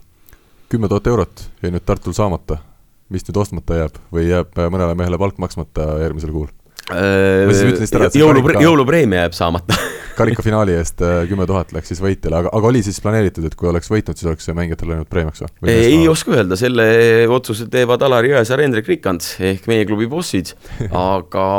võimalik, et võidu eest midagi oleks ikka pudenenud ka mängijatele äh, jah, raha pärast ma arvan, et mitte keegi ei mõtle en-, ei enne mängu, mängu ajal ega ka pärast mängu kümnest tuhandest eurost, et äh, selline asi on peast täiesti kadunud, sa ikkagi tahad võita ja sa lähed võitma, äh, täpselt samamoodi tahtis ja läks ka Selver võitma ja võib Selveri kapteni Andrus Raadiku käest küsida, et kas ta kordagi kümne tuhande euro peale enne või pärast mängu mõttes, ma arvan, et äh, vastus on selge ei, ta läks ikkagi selle peale, et tiitlit võita, et mängu võita. hästi meie jätkame saadet äh, mõne hetke pärast ja seda teeme ka karikafinaali teemal, aga natukene teises võtmes. jaa, meil siin metsas teavad kõik, et kõik see parem on ikka Eestimaal. aga ega see tähenda, et vahepeal muud maailma ei tohiks käia avastamas. karumets hoiab metsas asjad korras, et meie võrkpallisaadikud võiksid rahus käia meid esindamas laias ilmas seekord siis tõesti räägime natukene teistmoodi sellest, äh, mis eestlased välismaal võrkpallilainel võiksid teha. nimelt, eh, kuna Eesti karikafinaalis otseselt ei valitud parimat mängijat, siis ma usun, et me võiksime saates selle vea parandada ja seda teha. ma arvan, et see parim mängija peaks tulema ikkagi võitja võistkonnast, olete te nõus minuga? No minu poolest võime mõlemast võistkonnast ka valida, ega siis ju võistkonnad ikkagi olid võrdsed, noh, Selver võitis seekord, aga ei saa keegi öelda, et Tartul ei oleks nüüd mingit võimalust olnud, et, et oli kahe võrdse heitlus ja, ja seekord jäi peale Selver. aga sel juhul alustame Tartust äh, ja esitan siis kandidaadid äh, enda hinnangul Siim Põlluäär, diagonaalründaja, kolmteist punkti pluss kuus, Alex Saaremaa kolmteist punkti pluss kümme ja siia juurde ma paneksin ikkagi Gert Toobali ka, kes sidemängijana julgen öelda, et äh, ikkagi hätta ei jäänud, kas teie kolmik, kelle vahelt valida, oleks samasugune või lisaksite siia kedagi juurde? Äh, no mina ikkagi, ma arvan, jälle ei ole nõus, aga mina ikkagi paneks Märt Tammearu ka, sest et ta noh, me siin just, kui sa ära käisid, vahepeal arutasime Märt Tammearu teemat natukene, aga noh, minu arust ta oli ikkagi südikas ja enda kohta ja tal on palju võimu ja noh, Äll teab muidugi paremini, et kui palju seal veel vaka all kinni on, aga aga ma paneks tema ka nimistusse, et äh, noh, muidugi vist vahet ei ole, et keda me siia nimistusse paneme, lõpuks saab ühe valida Tammearu jah, ikkagi kokkuvõttes Tartu just aktiivsem ju viisteist punkti pluss kaheksa, rünnak nelikümmend viis protsenti, et äh, kindlasti ta võiks siin valikus olla, Alar, sõna nüüd sulle. no vaata neid numbreid edasi, siis ega Albert äh, Hurda rünnak ka nüüd kehva ei olnud eile ju. tõsi, tõsi, kaksteist punkti pluss seitse vahetusest sekkununa, siis viiskümmend kaheksa rünnakuprotsenti. ja ma teengi siis enda võistkonnas selle otsuse ära, otsus on see, et äh, sealt ei saa mitte kedagi ühte välja tuua. et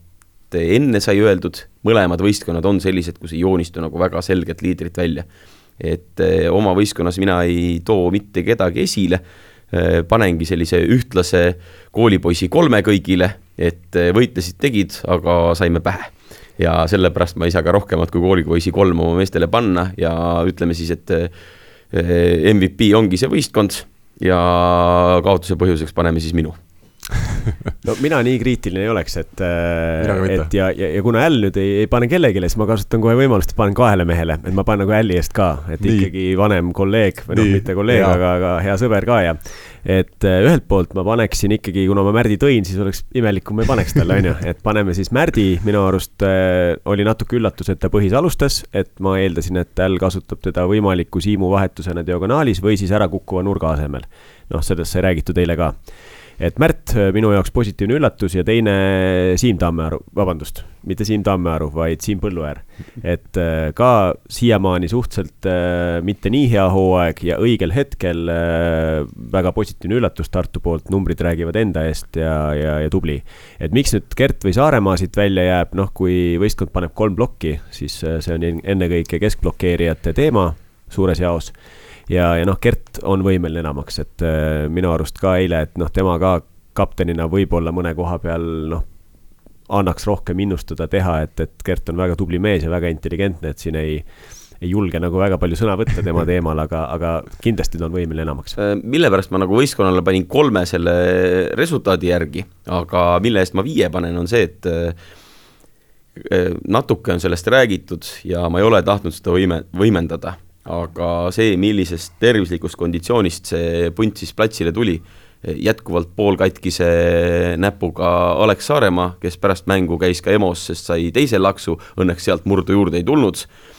siis sa võtad Gerdi, kes sel hetkel, kui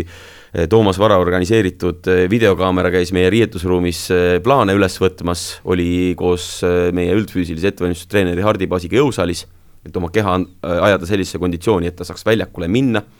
Äh, Siim Põlluäär, kellele on äh, õlg viga teinud ja mitte ainult. Stefan Kaibalt, kes mängiski selle mängu katkise sõrmega, see ei ole korda saanud ja nüüd alles hakkame selle ravimisega tegelema, sellepärast et me mängisimegi puruks sõrmega. temaga tegime nii trenni kui ka hoidsime teda väljaku peal. Albert Hurt samamoodi platsil, kelle selg tegi eile äh, häda ja on teinud nädalaid häda äh,. minu enda vend, kes on täiesti katki tegelikult et kui sa vaatad neid liikumisi, siis äh, väga paljud äh, tegevused tulevad tegelikult läbi valu ja läbi valuvaigistite. et äh, meil oli korralik laatsaret ja väga noh, ütleme, et terve mees oli Kevin Soo platsi peal, ülejäänud kõik olid katki kuskilt ja Märt Tammearu ka. et vii, viis punkti ma annan selle eest, et mehed olid üle ja ma ütlesin neile, et oleme nendest vigastustest üle, mängime katkisena, mängisimegi katkisena oma parima aga seal on nagu õnnetusjuhtumeid, seal on selliseid asju, millest ma aru ei saa, seesama Gerdi seljavigastus, mis ei tulnud mitte mingisuguse trenni või liigutuse peale, vaid lihtsalt pärast kahte vaba päeva, et eh, meil on tekkinud hädasid ja jube keeruline, noh, mulle ka nüüd, et otsida nende hädade põhjus kui ma loen kokku need treeningtunnid, mis me oleme veetnud kas jõusaalis või pallisaalis, siis äh, sajaprotsendilise veendumusega võib öelda, et see ei ole ületreenitus või see ei ole liiga palju trenni tegemine. et kas see on halbade asjade kokkulangemine, äh, kas see on sellesama koroona järellainetus, ehk siis see, et meil hooaeg katkes ära mehed jäid lihtsalt äh, pausile, see keha, mis on harjunud kogu aeg töös olema, äkki kaheks kuuks äh, pandi hoiule ja ootas jälle, kuni koormus peale tuli, kellel tuli ta koondisega, kellel tuli ta alles sügisel, mõned mehed näha oli, et olid sügisel ikka täiesti puised, nagu alles hakkasid võrkpalli mängima ja õppima, äh, kuigi nad on terve elu seda teinud et äh, väga raskest seisust äh, nad sinna platsile tulid, aga nüüd ma Kristjanilt paluks äh, vastuteenet, et kuna tema sai Tartust kaks valida, siis ma valiks nüüd Selverist kaks tükki. oota, aga me enne Tartu osas jõuame lõpule, pluss ma tahtsin öelda, et kui sa ütlesid, soo on ainus mees ilma vigastute, siis tundub, et ainus asi, mis ikkagi aitab ennetada vigastusi, on peapael, et seda peaks täiesti mehed kasutama jah, see on ikka päris kole noh, et äh, rohkem neid küll ei tahaks äh,, piisab sellest ühest, et äh, on meil olnud siin liigas veel mehi, kui mälu ei peta, äkki Jörgen Vanamuisa on see, kes ka peapaelaga mängib, et kaks tempomeest omavahel mina siis otsustaks nii palju ära, et kuna siin tuli Põlluääre nimi ja Tammearu nimi, siis minul jääb nagu justkui valida enda kahe vahelt ja kuna Põlluäär, nagu Alar ka väga hästi välja tõi, tegi veel musta tööd juurde ja emotsionaalselt väga palju selles finaalis panustas äh, võistkonda, siis äh, Põlluäärel läheks see valik. nii, Kristjan? absoluutselt nõus, ma tahtsin veel korra kommenteerida, enne kui me Selveri juurde lähme, Äl, ma annan sulle Selverist kaks mängijat hea meelega ja et Äl ka ennast paremini tunneks, siis Äl tõi nagu ennast kaotuse põhjusena välja, et ma siin natuke korrigeeriks, et ikka ikkagi peatreenerit on väga harva süüdi, et mina paneks selle kaotuse Argo Meresaarele, teisele treenerile. tervitused lähevad Ülenurmele, mis teada-tuntud siis äh, Suure Kastre valla väikene vend, väike eelküla et, äh, et noh, Argo peab ka ikkagi peeglisse vaatama, olgem ausad, et. Äh, sealt see kärises. sealt ta kärises jah, ega Äll tegi ju kõik õigesti, on ju. just nii ja nüüd siis Selveri juurde ja võtame siis äh, kõige suuremad punktikütid kõigepealt ette, Oliver Orav kakskümmend kuus punkti pluss üheksateist kogu mängu üleplatsimees, Andrus Raadik lisas kakskümmend punkti pluss kaksteist ja Rene Teppan kolmteist punkti pluss viis, tempomeestest siis Mark Saru kaheksa punkti pluss seitse ja Mihkel Varblane kuus punkti pluss kolm, milline oleks nüüd teie äh, valik, Alar, alustame siis sinust ja need kaks mängijat. no ma võtan need kaks ja tegelikult need numbrid näitasidki, et kui mees ikkagi toob kakskümmend kuus punkti ja efektiivsus on ka nii hea, on hea servijoone taga, on üsna pidurdamatu rünnakul, siis äh, esimene valik lähebki Oliver Orava peale. see oli tema mäng ja kui me mõtleme selle peale ja ma olen korduvalt öelnud, et Oliver Oravast on tekkimas uus Argo Meresaar või Hindrek Pulk ehk siis äh, me oleme rääkinud Eesti võrkpallis sellistest äh, äh, rändkarikatest, kes käivad klubist klubisse, tema on püsinud, aga kui sa paned talle ümber sellise arvestatava võistkonna, nagu sel aastal Selveris on, siis temaga annab võita. Ja annab võita tiitleid, annab võita tähtsaid mänge ja mitte midagi pole öelda, ta ongi hea lihtsalt. Jah, ja siin tõi ka välja Orav, siis tõi ühtpidi välja Rene Teppanis et kuidas Steppan on panustanud võistkonda nii treeningutel kui ka mängudes kõige muuga siis peale selle, kuidas ta mängib, ja teisalt Rainer Vassiljev tõi pärast mängu siis välja selle, kuidas Teppan ka aitas Oraval mängu alguses mingitest keerulistest hetkedest üle saada, mis oli ka ilmselt väga oluline selles äh, finaalis. Need on need asjad, mida ma ei näe, äh, puhtmänguliselt ma ütlen, et hea küll, Teppan servijoone taga oli ohtlik, aga ei teinud ta meile kurja plokis, ei toonud ta palle üles väga kaitses ja tema rünnaku pidurdamisega niivõrd-kuivõrd me tegelikult saime hakkama. aga siin on väga selge äh, selline loogiline põhjendus, seda ei saa niivõrd palju panna Teppani kapsaaeda, vaid seda peab panema rohkem Renet Vankeri sidemängija kapsaaeda. näha on, et see koostöö ikka veel ei toimi ja Reneti tõste ma ei saa nagu noh, kõrvaltvaatajana väga täpselt aru või ma ei saa öelda, aga päris naljakas on see, et kui juba nii palju on koos mängitud, miks ikka veel klappi ei ole tekkinud nendel kahel mehel omavahel et anna Teppanile teistsugune sidemängija ette ja needsamad numbrid kakskümmend kuus pluss üheksateist, mis olid Oraval, oleks finaalis olnud Teppanil. et eh, seal jäi see potentsiaal mängimata ja sellepärast mina Teppanit oma teiseks nimeks ei vali, vaid eh, ma võtan ikkagi veel olulisema, kui sa ütled, Teppan kas trennis või mängus aitab ja see ongi väga oluline nooremaid on vaja hoida, eh, meeskonnas seda tunnet on vaja tekitada, aga see süda ja hing selles võistkonnas on ikkagi Andrus Raadik ehk sinna läheb mu teine MVP, et äh, olgugi, et Orav on punktimasin, siis äh, see süda, kelle nagu najal see võistkond tuksub, on ikkagi nende kapten. Ja mitte midagi pole teha. vastuvõtul on hea, servi on üles leidnud, rünnakul on hea, kolmese ploki vastu lahendab kõrgeid palle ära, kahesest läheb nii teravalt mööda, et sul on kaitsekohad ja näed, täpselt leiab jälle selle koha, et äh, vaadates videoid ei saanudki nii hästi aru, aga nüüd pärast mängu, olles nagu seal kõrval, kuna me Selveriga nii ammu viimati mängisime, siis tõesti ju Raadik eh, veel poolvigasena või mitte nagu päris vormis tuli ja jättis sellise hapu mulje, siis ma olen nõus nende inimestega, kes on öelnud, et tagasi on seesama Ratsa, kes meil oli kolm aastat tagasi umbes Eesti koondises ja see on ikkagi muljetavaldav tase, see enesekindlus, mis tal on, pluss siis see, kuidas ta võistkonda üleval hoiab. Kristjan, mis sina kostad selle peale? Äh, no kuna ma oma hääled andsin ära, siis ma saan siin ainult ümmargust, ümmargust juttu ajada ja, ja väga pikalt aega siis kinni ei hoiaks, et äh, jah, Selver on sümpaatne ja mina usun ka, et Selver läheb kevadeks veel paremaks, mis nagu teistele võistkondadele saab kindlasti keeruline olema. Et see Saaremaa tase üldse minu arust on natuke ülehinnatud, aga see selleks ei ole tänane teema. Et äh, mis veel puudu on, Selveril on Kristo Kollo tegelikult, kes on äh, läinud võib-olla natukene ära kuidagi oma kapslisse näha on, et eile ka väga ei õnnestunud seal ja astus joone peale veel korra servi ajal, et noh, on, ta on selgelt saanud vähe mänguaega. Ta enesekindlus on ära löödud, et noh, nüüd ilmselt Rainer, ma kujutan ette, juba viimastes liigamängudes tegelikult on andnud Kristole mänguaega, et ka Kristo tuua, noh siis see, see nurkade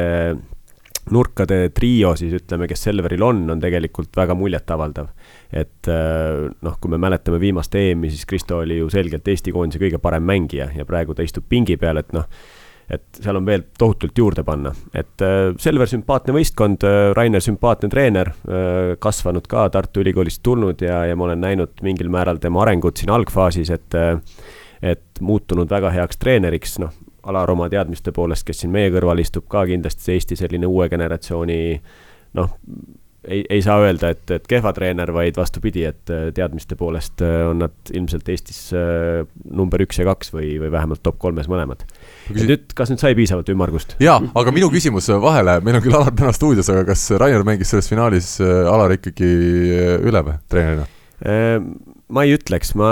noh, kui ma alati hindan võistkondi selle järgi, et, et, et kõige lihtsam, et kui sul need kaks võistkonda kõrvuti, et sa saad enne mängu valida, kumma sa endale võtad, kummaga sina läheksid finaalile vastu, no mina läheks Selveriga, et Nõus. sorry, Alaril on kehvem materjal käes, et sealt on võimalik vormida ja just neid ühemängulisi mänge, ma arvan, on Bigbankil võimalik võita aga pikem seeria, kui Selveril kõik terved on, noh, on, on märksa keerulisem tegelikult kui eile. et äh, Raineril on Eesti kõige parem materjal käes, et äh, mitte muidugi absoluutselt alahinnates Raineri tehtud tööd, sest me nägime seda Selverit ka hooaja algul. noh, Hällil siin oma teooria, et siis oli see kokkumängu harjutamine ja nüüd on see väristamise koht, et aga, aga Rainer oskab äh, mehi mängima panna ja, ja, ja on ka hea materjal, järelikult hea ja ohtlik kooslus kõigile jätkates sellel treeneri teemal siin enne, kui me siis selle parima mängija välja kuulutame, Alar, me Kristjaniga mängu kommenteerides äh, tabasime ühe hetke, kus sa ikkagi kas läksid liiga palju endast välja ja see kajastus ka meeste peal ja ei toonud kokkuvõttes edu võistkonnale? kas sa seda julged tunnistada või sa nägid seda? korduvalt endast välja, sellepärast ma olen varem ka öelnud, et mulle ei meeldi rollid, noh ja mingi hetk ma võib-olla isegi isikuliselt ja nimeliselt ei öelnud kellelegi, aga oli nagu olukordi, kus lihtsalt sul on mängija, kellele sa annad konkreetse juhise ja sa oled juba kolm korda öelnud ja tehakse täiesti risti vastupidi selliseid asju. ehk siis äh, üks asi, mida ma mingis intervjuus isegi tegelikult eile juba mainisin pärast mängu, mis on ka praegu äh, Äh, mul on keeruline aru saada, et kui sa alustad mängu ja sa pead sellest mängujoonisest kinni ja sa teed neid asju, vahet pole, mis see seis on või milline see mängukulg on, kuidas on võimalik, et keset mängu sa unustad need asjad ära? ja neid mehi oli meil rohkem kui üks, kes hakkasid tegema asju, millest äh, me kokku leppisime täiesti vastupidi. ja ei no selliseid olukordi oli, et viimase game'i lõpus ma ütlesin Kevinile, et löö ükskõik kuhu see serv, nii kuidas sul mugav on, aga ära palun Losnikovi peale pane ja ta lööb otse täpselt Losnikovil selle mhm. pihta mm. -hmm. et sealt tuli ka mingisuguseid teravamaid sõnu nii tema kui võistkonnakaaslase, kaaslaste poolt, kes ei teadnud seda, mida ma Kevinile enne servi olin öelnud tegelikult. kõik said aru, et see läks nagu täiesti mööda ja ta ise ka sai aru ja väljendas ennast äh, üsna selgelt, et äh, noh vot see ongi nüüd pingeolukorras, kui sul on see üheksa korda üheksa meetrit, sul on seal päris palju ruumi ja sa võid lüüa selle palli sinna või eh, tänna poole ja sa lööd täpselt keset väljakut sellele mehe, mehele pihta, kellele sa ei tohi sel hetkel pihta lüüa. aga see on üks näide ja neid näiteid ploki või kaitsemängu puhul oli päris palju ja see ongi nagu naljakas, et eh, kordagi ei tekkinud mängus mul sellised mikroskoopilised muudatused, mida taktikaliselt teistmoodi teha ja lõpptulemusena ma ütlen, et ega see ei olnud nagu väga treenerite võitlus, see mäng. et mis meil ikka teha oli, tuli üks võistkond, kes pani natuke servile juurde, teine ei pannud, vahepeal panime ka meie juurde ja sealt hakkas kärisema ühele või teisele poole. et see ei olnud selline mingisuguste asetuste või ta-, või selliste taktikaliste vangerduste mäng, absoluutselt mitte. et selliseid mänge, kus me oleme taktikaliselt vangerdanud, ka seesama esimene Selveri mäng oli selline, seal käis kordamööda asetuste ümbermängimine, mängijate positsioonide ümbertõstmine, sellised mängud on olnud meil mõlemad korrad, näiteks Pärnuga need kolm-kaks mängud, kus käib tõsine kombineerimine, seda on olnud seesama TalTechi mäng, et sama Stefan Kaibaldi mängupanek oli võib-olla üks selline taktikaline lüke, mida teha, ma ei tea, kas sel põhjusel, aga mängu alguses ma kohe nägin, et kui meie mehed jooksid platsile, siis Rainer tõttas paberite poole ja hakkas ka mängijatega, Raadikuga siis rääkima, et ju nad ei olnud selleks tegelikult valmis, see oli nende jaoks üllatus. Ja mine sa tea, kui mitu äh, minutit või tundi nad kulutasid Albert Hurda jälgimise peale videokoosolekutel, keda siis platsil alguses ei olnudki et äh, on sellised lükked, aga ma pean noh, Kristjaniga selles osas nõustuma, et äh, mina kindlasti ei valiks äh, Selverit, kui mulle antakse võistkond, keda treenida, mina ikkagi valiks oma mehed. Ja mul on oma meestesse usku, aga kui sa vaatad seda tihedust ja ma arvan, et seal tuleb välja seesama trenni kvaliteet, siis meil on ikkagi noh, ühe võistkonna jagu ja nipet-näpet vahepeal midagi kombineerida, aga Selveril on peaaegu kahe võistkonna jagu mehi, keda trennis panna omavahel mängima ja kui sa nagu pikas jooksus vaatad terve aasta peale, siis midagi pole teha, korralik kvaliteet trennis lõpuks realiseerub ka mänguväljakul ma pean tunnistama, et ma olin ju päev varem ka teie õhtusel treeningul, nii nagu ma olin ka Selveri treeningul ja, ja seda oli tegelikult päris hästi näha, kuidas ikkagi erinevatel väljaku pooltel need erinevad võistkonnad, see A ja B pool, on seal tasemevahe sees ja päris lihtsate pallide mängimisel vahel see B-pool eksib sedasi, et, et korralikku pallivahetust ei tulegi. aga te olete jätnud mulle nüüd väga raske olukorra, kas Orav või Andrus Raadik anda siin karikavõistluste finaali parima mängija tiitel kummalegi. no ma ikkagi olen, ma olen kõigiga nõus, Raadik on suurepärane mängija ja suurepärane liider, aga kui meil Oliver Orav lööb kuus servi ässa karika finaalis, Äh, saab väga palju vastuvõtul tööd, ometi hoiab oma rünnaku väga kõrge neljakümne üheksa protsendi peal ja lõpuks siis nurgaründaja kohta see kakskümmend kuus punkti on üks asi ja teine asi efektiivsusnäitaja pluss üheksateist siis ma arvan, et anname Oliverile seekord selle tunnustuse. Kristjan, oled sa ääri-veeri nõus, kuigi sul häält ei ole no ma võin jälle ümmargust ajada, aga aeg hakkab otsa saama, ei, ma olen nõus, et, et ma ise oleks ka kaldunud sinnapoole, sellepärast et Raadik on ikkagi teada-tuntud juba ja tegusid teinud mees. Oravale see esimene karikavõit, eks ole, ja, ja väga südipartii, et noh, ta algul oli tegelikult kramplik, seal oli ka natukene Reneti tegusid sees ja, ja noh, me märkasime ära ka mängu ajal selle hetke tegelikult, kui Oraval see muutus toimus, et see oli Rainer Vassiljevi aeg, siis ta tuli tagasi, ta lõi ühe palli maha, läks, pani paar ässa järgi ja sealt oli mees nagu muutunud mees väljakul ja see kestis umbes pool game'i. et äh, kui ta siis nai, sai nii-öelda sinna mängu sisse ja peale seda noh, oli mees peaaegu pidurdamatu ja nüüd siis jõuame selle teema juurde, mida see rubriik meile pakub, äh, ehk siis kui me võtame esimese hooaja poole Eesti klubidest, siis kes täna võiksid oma praeguse vormiga olla Euroopa tugevamates liigades, mingisugustes võistkondades väljakul? Äh, ma alustan siis, et äh, natuke pessimistlikus toonis võiks ja. alustada. et vaatame, kes meil on välismaal praegu.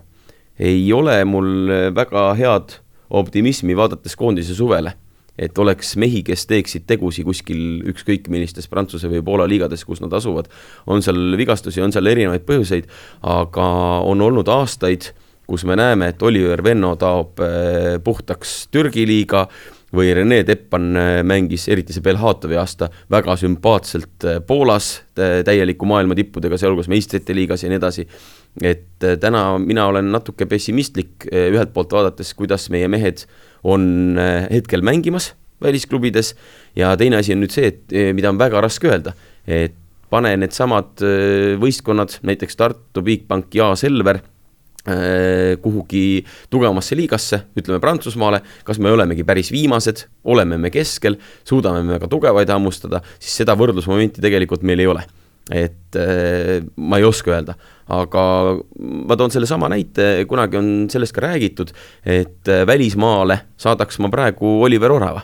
Eh, mees, kes hakkas tõsisemalt ja professionaalsemalt nüüd alles selle võrkpalliga tegelema, ehk siis eh, noh, teadaolevalt eh, võrkpall on tema põhitöö kõrvalt olnud teine tegevus aastaid. IT-arendaja peaks ta siis olema Just, jah, igapäevaselt. ja sellepärast on ka kannatanud ja noh, mõned inimesed vaatavad, miks Oliver Orav Eesti koondises näiteks ei mängi nii palju või et miks teda ei ole koondisse nii palju kutsutud. Oliver on selline mees, kes on korduvalt koondise kutsest loobunud tööpõhjustel et eh, neid mehi on eh, rohkemgi, aga tema oleks selline, kelle ma paneks ja ma ütlen, et eh, ma sätiks ta sellisesse tema natukene mängustiililt ja kõigelt muult ma võrdleks või kõrvutaks teda Martti Juhkamiga. ehk paneks ta samamoodi välisklubisse nüüd, pigem selline tserv, rünnak, problemaatilisem koht vastuvõtt võib-olla ka mitte niivõrd hiilgav see plokimäng ja noh, lõpuks mina arvan, et me jõuamegi sinna välja, et eh, jah, Oliver Orav, täna paned Martti Juhkamiga kõrvuti, justkui vaatad, et täpselt samasugused mehed, aga kui sa nüüd paneksid Orava Friedrichshafenisse mängima, siis eh, ma ütlen, et seal tuleb ikkagi mäekõrgune vahe Juhkami kasuks. ja see ongi see asi, et eh, ta on mänginud sellises mugavas koduses Selveris kogu oma karjääri, esimene põnev asi oleks, kui sa üldse Eestist ta kuhugi mujale liigutaks kuidas ta mängima hakkaks. nüüd veel hea tuttav treener äh, Raineri käe all teha ja nii edasi, ja teine asi, kui sa nüüd päris välismaale ta liigutaks, mis sealt alles jääks? ega ma ei välista, et äh, ta võib hästi mängida, aga Orava puhul ei saa välistada, et kui sa ta paneksid kuhugi no ütleme, sellisesse korralikku välisliigasse, võib ta täiesti tavaline pingipoiss olla, kes üldse väljakut ei näe ka Kristjan, mis sina ütleksid, kui me kasvõi seda karikafinaali vaatame ja siin mänginud mehi, ma just ütlen vahele, et meil oli vist seitseteist mängijat siis minu luge-, lugemise järgi, kes on Eesti koondises mänginud või Eesti koondise laagris osalenud. et finaalis meil oli seitseteist mängijat, kes on Eesti koondises mingil määral siis kaasa löönud seal listides, mis meile anti, need nimekirjad või olid välja prinditud, seal oli kaksteist tegelikult, aga noh, eks see ilmselt on. ma lugesingi need juurde, kes on lihtsalt koondise laagris käinud, nagu näiteks Mark Saru, kes ei ole veel ühtegi mängu minu teada Eesti koondise ees pidanud näiteks mm,. hästi, äh, mis puudutab nüüd äh, Karometsa meest Oravat, äh, siis tema osas ma olen nõus, et ta on tegemas ilmselt ühte oma parimatest hooaegadest, ta on heasse vormi saanud ja, ja, ja millal siis veel, kui mitte nüüd proovida. et siin Alli pika analüüsi peale ma olen nõus, et see ei saaks tal kerge olema, kuna see hüpe tundmatusse tuleks ilmselt väga suur, kuna noh, ta täpselt nagu jälle välja tõi, ei ole ka liikunud üldse Eestist teistesse klubidesse. Aga mul on veel kaks mõtet, et äh, kui nüüd finaali koha pealt võtta, siis äh, ma saadaks kaks meest karastuma. ma saadaks karastuma Märt Tammearu ära peale seda hooaega välismaale ja ma saadaks Albert Hurda. Et äh, nendel ilmselt on ka edasiliikumiseks vaja natukene võib-olla sellist karmimat treeneri kätt, mida välismaal kindlasti saab, sest seal sa ei ole nii-öelda oma andekas poiss. Mitte et Äl kuidagi pehme oleks või, või Ojamets olnud, aga, aga natukene jah, sellist teistsugust, et kus sind võib-olla ei hoita nagu noh, mõnda asja pilpa peal hoitakse vahest. et noh, saaks natuke sellist äh, teistsugust tunnet ja, ja saaks karastuda. ma saadaks ära Pärnust Silver Maari, et minu arust tema on ka pikalt jäänud äh, sellisesse mugavusmulli sinna, et noh, et ei tekiks järgmist sellist äh, lepikut sealt, kes kogu elu jälle Pärnus mängib noh, mis ka ei ole halb, aga, aga noh, et lihtsalt, et tal ka võib-olla võimekust oleks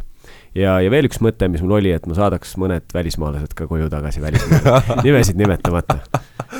See lõpp oli eriti hea, aga Äl, kas sa laseksid minna Hurdal ja Tammerol pärast seda hooaega, kuidas neil üldse lepingutega seisud on? Äh, lepingutega on seisud natukene nii ja naa, ehk nad on äh, nagu ikka sellised, et sul on üks või üks pluss üks ja sellised olukorrad, et äh, täiesti selge on see, et materjali meie võistkonnas Albert Märt ja kolmandaks nimeks, äh, kelle oma tiimist täpselt samal põhjusel, miks Kristjan rääkis, et äh, natukene karmimat kätt ja, ja sellist ebamugavat olukorda Alex Saaremaa ka. et neil on vaja arenguks tegelikult sellist keskkonda, aga noh, nüüd ongi küsimus, kuhu sa nad saadad. Soome liigasse täiesti mõttetu tänane Selveri ja Tartu tase ongi selline, et me oleks ka Soome liigas täielikus tipus. eilse mängu pealt ja üldse nendest, sellest hooajast vaadates. Eh, kuhugi eh, Prantsuse teise liigasse samamoodi täiesti mõttetu. me räägime ikkagi Eestis, eh, Euroopas sellisest viiest-kuuest liigast, kuhu neid mehi on mõtet saata. ehk hakkamegi otsast pihta Itaalia, Poola, Venemaa, Prantsusmaa, Türgi ja võib-olla Saksamaa, Saksamaa paneme ka veel võib-olla, sellepärast et seal on see tase on nii ebaühtlane, et kui sa nende tagumise otsa võistkondadega mängid, siis jällegi ei ole vahet, kas sa oled Eestis või sa oled seal. et eh, hooaja alguses sai öeldud, eh, nüüd ongi väga põnev ja suvi annab meile mõnes mõttes vastuse. meil on palju häid Eesti mängijaid Eesti liigas, meil on, ma arvan, ka korralikke treenereid Eesti liigas ja hea koht kasvamiseks. aga puht karastamise ja võib-olla eh, nii-öelda pea eest tulle viskamise mõttes jah, läheks meie juurest see kolmik ja kui ma nüüd vaatan finaali vastast äh, Selverit, siis äh, tegelikult perspektiivist päris palju ka sealt. alustame sellepärast, et need kolm, kes ei peaks üldse Eestis mängima, ehk siis äh, trio Teppan, Kollo, Raadik, need peaks tagasi minema sellise taseme liigade peale, noh, umbes Prantsusmaa stiilis, kus nad on mänginud või veel kõrgematel tasemetel ja seal nad peaks edasi mängima ja siis hakkad sinna noori veel juurde panema, keda saad, Oravast me juba rääkisime, mingi hetk täiesti selge on see, et kui Renet tahab teha äh, arengus järgmist sammu edasi, peab ka tema minema ja siis äh, temporündajate osas mul on natukene kahetsed tunded, et ma ei ole äh, väga veendunud nende kahe mehe tasemes, see on olnud kõikuv, finaalis nad mängisid päris korralikult ja nüüd ma ütlen, see oli nagu Selveri eelis, need mehed mängisid korralikult sellepärast, et see saal oli tühi. Kui sa oleks pannud sinna tuhat viissada pealtvaatajat, siis ma arvan, et äh, nii nagu esimene mäng meil oli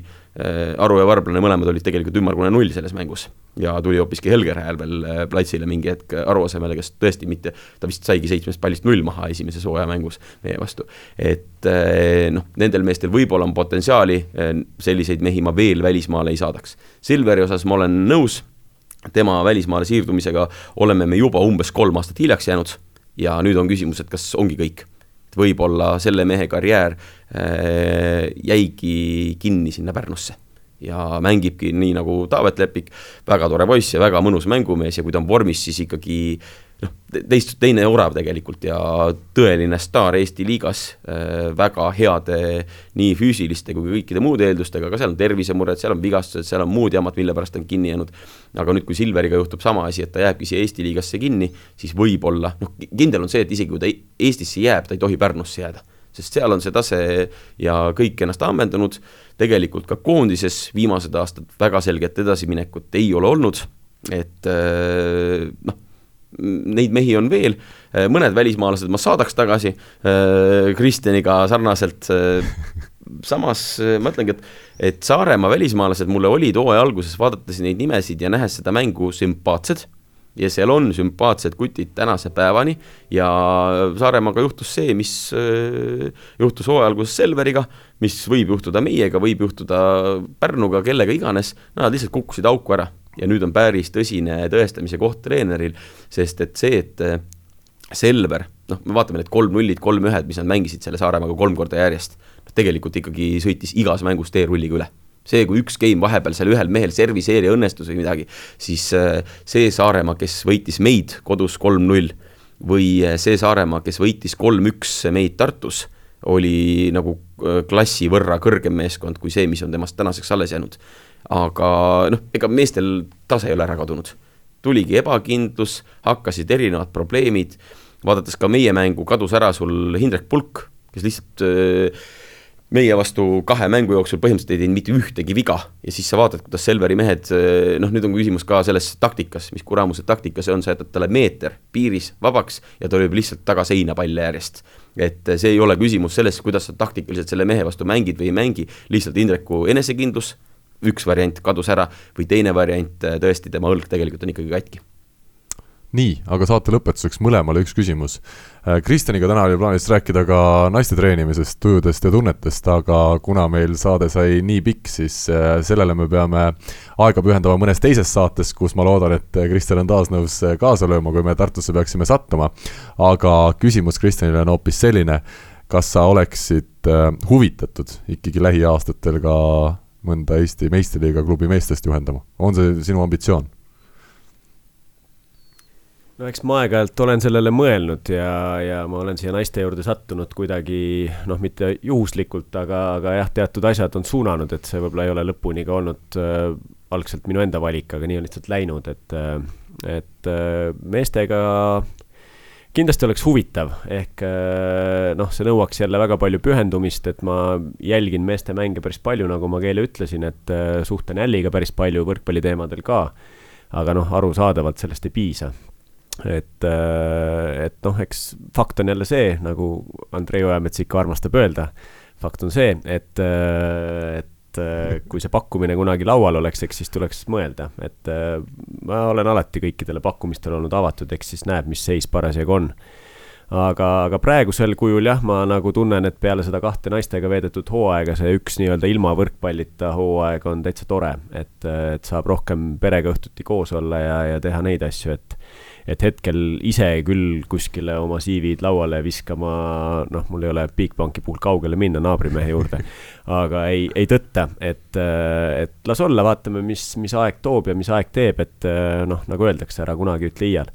ja ma tahtsin veel täpsustada, et, et kui see teine teema, millest sa siin rääkisid, et kuna nüüd tänase seisuga Harjumaa läheb lukku, eks ole, sa niikuinii oled meil siin vegeteerinud Tartus juba kolmandat päeva vist, et, et mine sa tea, äkki sa ei saa enne uut aastat minema, et siis võime arutada nendel teemadel ka. Kusjuures ja Alarile see küsimus tulebki sellest lähtuvalt, äh, kuulates teid täna siin ja tegelikult tundes teid ka varem, siis kas ikkagi peaks ellu kutsuma ka Tartus ühe võrkpallisaate, mis äh, mulle tundub, et oleks oluliselt tõsisem kui Tallinna oma, aga ilmselt ka natukene veel asjasem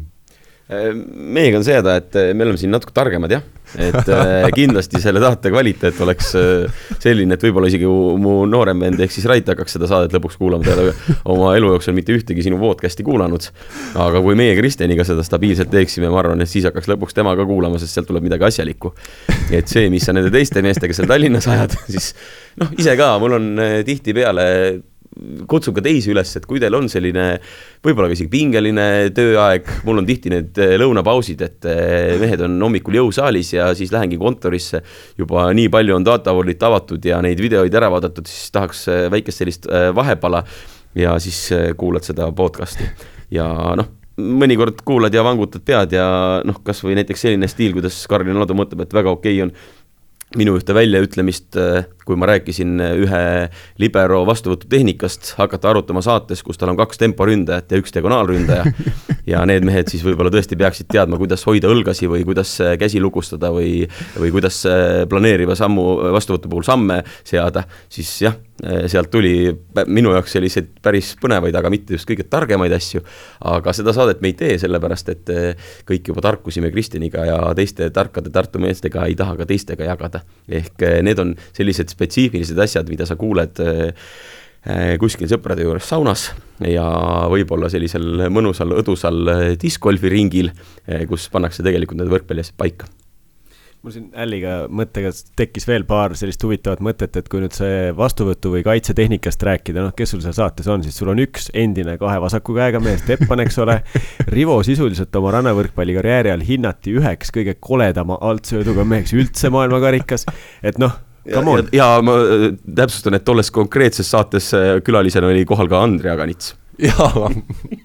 no siis tõepoolest jah, eks siin, siin ma arvan, vaikus räägib rohkem enda eest. nii et ütleme, meil on siis oma saates paranemisruumi täpselt nii palju, nagu Tartu Bigbankil on veel pärast seda karikafinaali mänguliselt paranemisruumi, oled sa, Alar, nõus? Äh, loomulikult on mänguliselt paranemisruumi, aga see, millest me alustasime, tegelikult oli korralik finaal, mitte midagi pole öelda. Äh, mängu tasemeliselt oli korralik, need inimesed, kes jagavad võrkpalli, kes on asjatundjad, näevad, et seal oli neid ilusaid asju, seal oli korralikke pallivahetusi. Äh, soperdamist äh, tegelikult tõesti teistes finaalides on olnud rohkem, seal on sellise koleda mänguga võidetud või võimuga ära võetud või midagi sellist. ja noh, jube kahju on lõpuks see, et äh, see on olnud välismaal ka mitmetel hooaegadel, eriti Poolas, kui me Lubiniga mängisime, me olime sellised mittefavoriidid ja siis sa mängid nagu ideaalse mängu. sa vaatad, et kahe võistkonna peale mõlemal on üle saja kaitsepalli lahendamiseks mängu lõpus. mängisime, see oli meie Lubini vist teine hooaeg, mängisime Saksa vastu, kes nüüd on domineerinud seda Poola liigat ja tegelikult on maailma täielik täielik tipp. ja siis lõpuks mäng saab läbi, tulemus on üks-kolm, sa saad tabelisse null punkti, sul mitte midagi käes. Ja see oli nagu eile ka see tunne, et äh, vaatad neid numbreid ka veel kaheksateist, kakskümmend viis ja kakskümmend, kakskümmend viis, et äh, võib-olla mõnekümne aasta pärast räägitakse, et see oli ühepoolne finaal, kus Selver domineeris ja purustas Tartu. Ja lõpuks on tühi tunne, et sul ei jäänud mitte midagi sellest finaalist. Ja hiljem ajaloo annaalides sobrades vaatad, et jah, Selver võttis lihtsalt oma ära, päris nii ta ei olnud. aga tänasest saatest meil kindlasti tühi tunne ei jää, ma usun, et kuulajad said siin palju huvitavat äh, uut informatsiooni teada ja ja see võrkpallihooaeg või võrkpalliaasta siis kaks tuhat kakskümmend sai juba omal moel kokku võetud, aga kuldset game'i on ees ootamas ka aastalõpusaade, mis tuleb seekord siis veidikene teises formaadis. meilt on küsitud, kas videoformaati ei, ei võiks saates teha, kuna me teeme seda ikkagi põlve otsast, nii nagu tegid omal ajal Rivo ja Kristjan rannavõrkpalli karjääri, siis see videovariant iganädalaselt oleks natukene eelarveliselt lihtsalt liiga palju meie jaoks, aga aasta lõpusaate me üritame siis videos valmis teha, kohe kolme erineva kaameraga peaks meid seal üles võetama ja selleks puhuks siis ootame kuni laupäeva õhtuni kõigilt kuulajatelt küsimusi info at võrkpalli24.ee aadressile. lisaks TalTechi meestelt siis ootame samuti küsimusi, nagu eelmises või üle-eelmises saates sai juba räägitud, aga Alar ja Kristjan suur,, suur-suur aitäh teile selle meeldiva kahe tunni eest. loodan, et teil läheb oma elus hästi ja loodetavasti ka võrkpalliväljakutel õnnestub kõik nii, nagu õnnestuma peab. aitäh ja kaunist jõuluaeda! aitäh ja ilusaid pühi! Nii ütlen minagi, olge tublid. Eesti kõige põnevamad podcastid on Delfis, kuula tasku.delfi.ee. Mikk-Mikk. ega edu pole jänes, mis seest ära jookseb, ärid on edukad Hammerheadi majades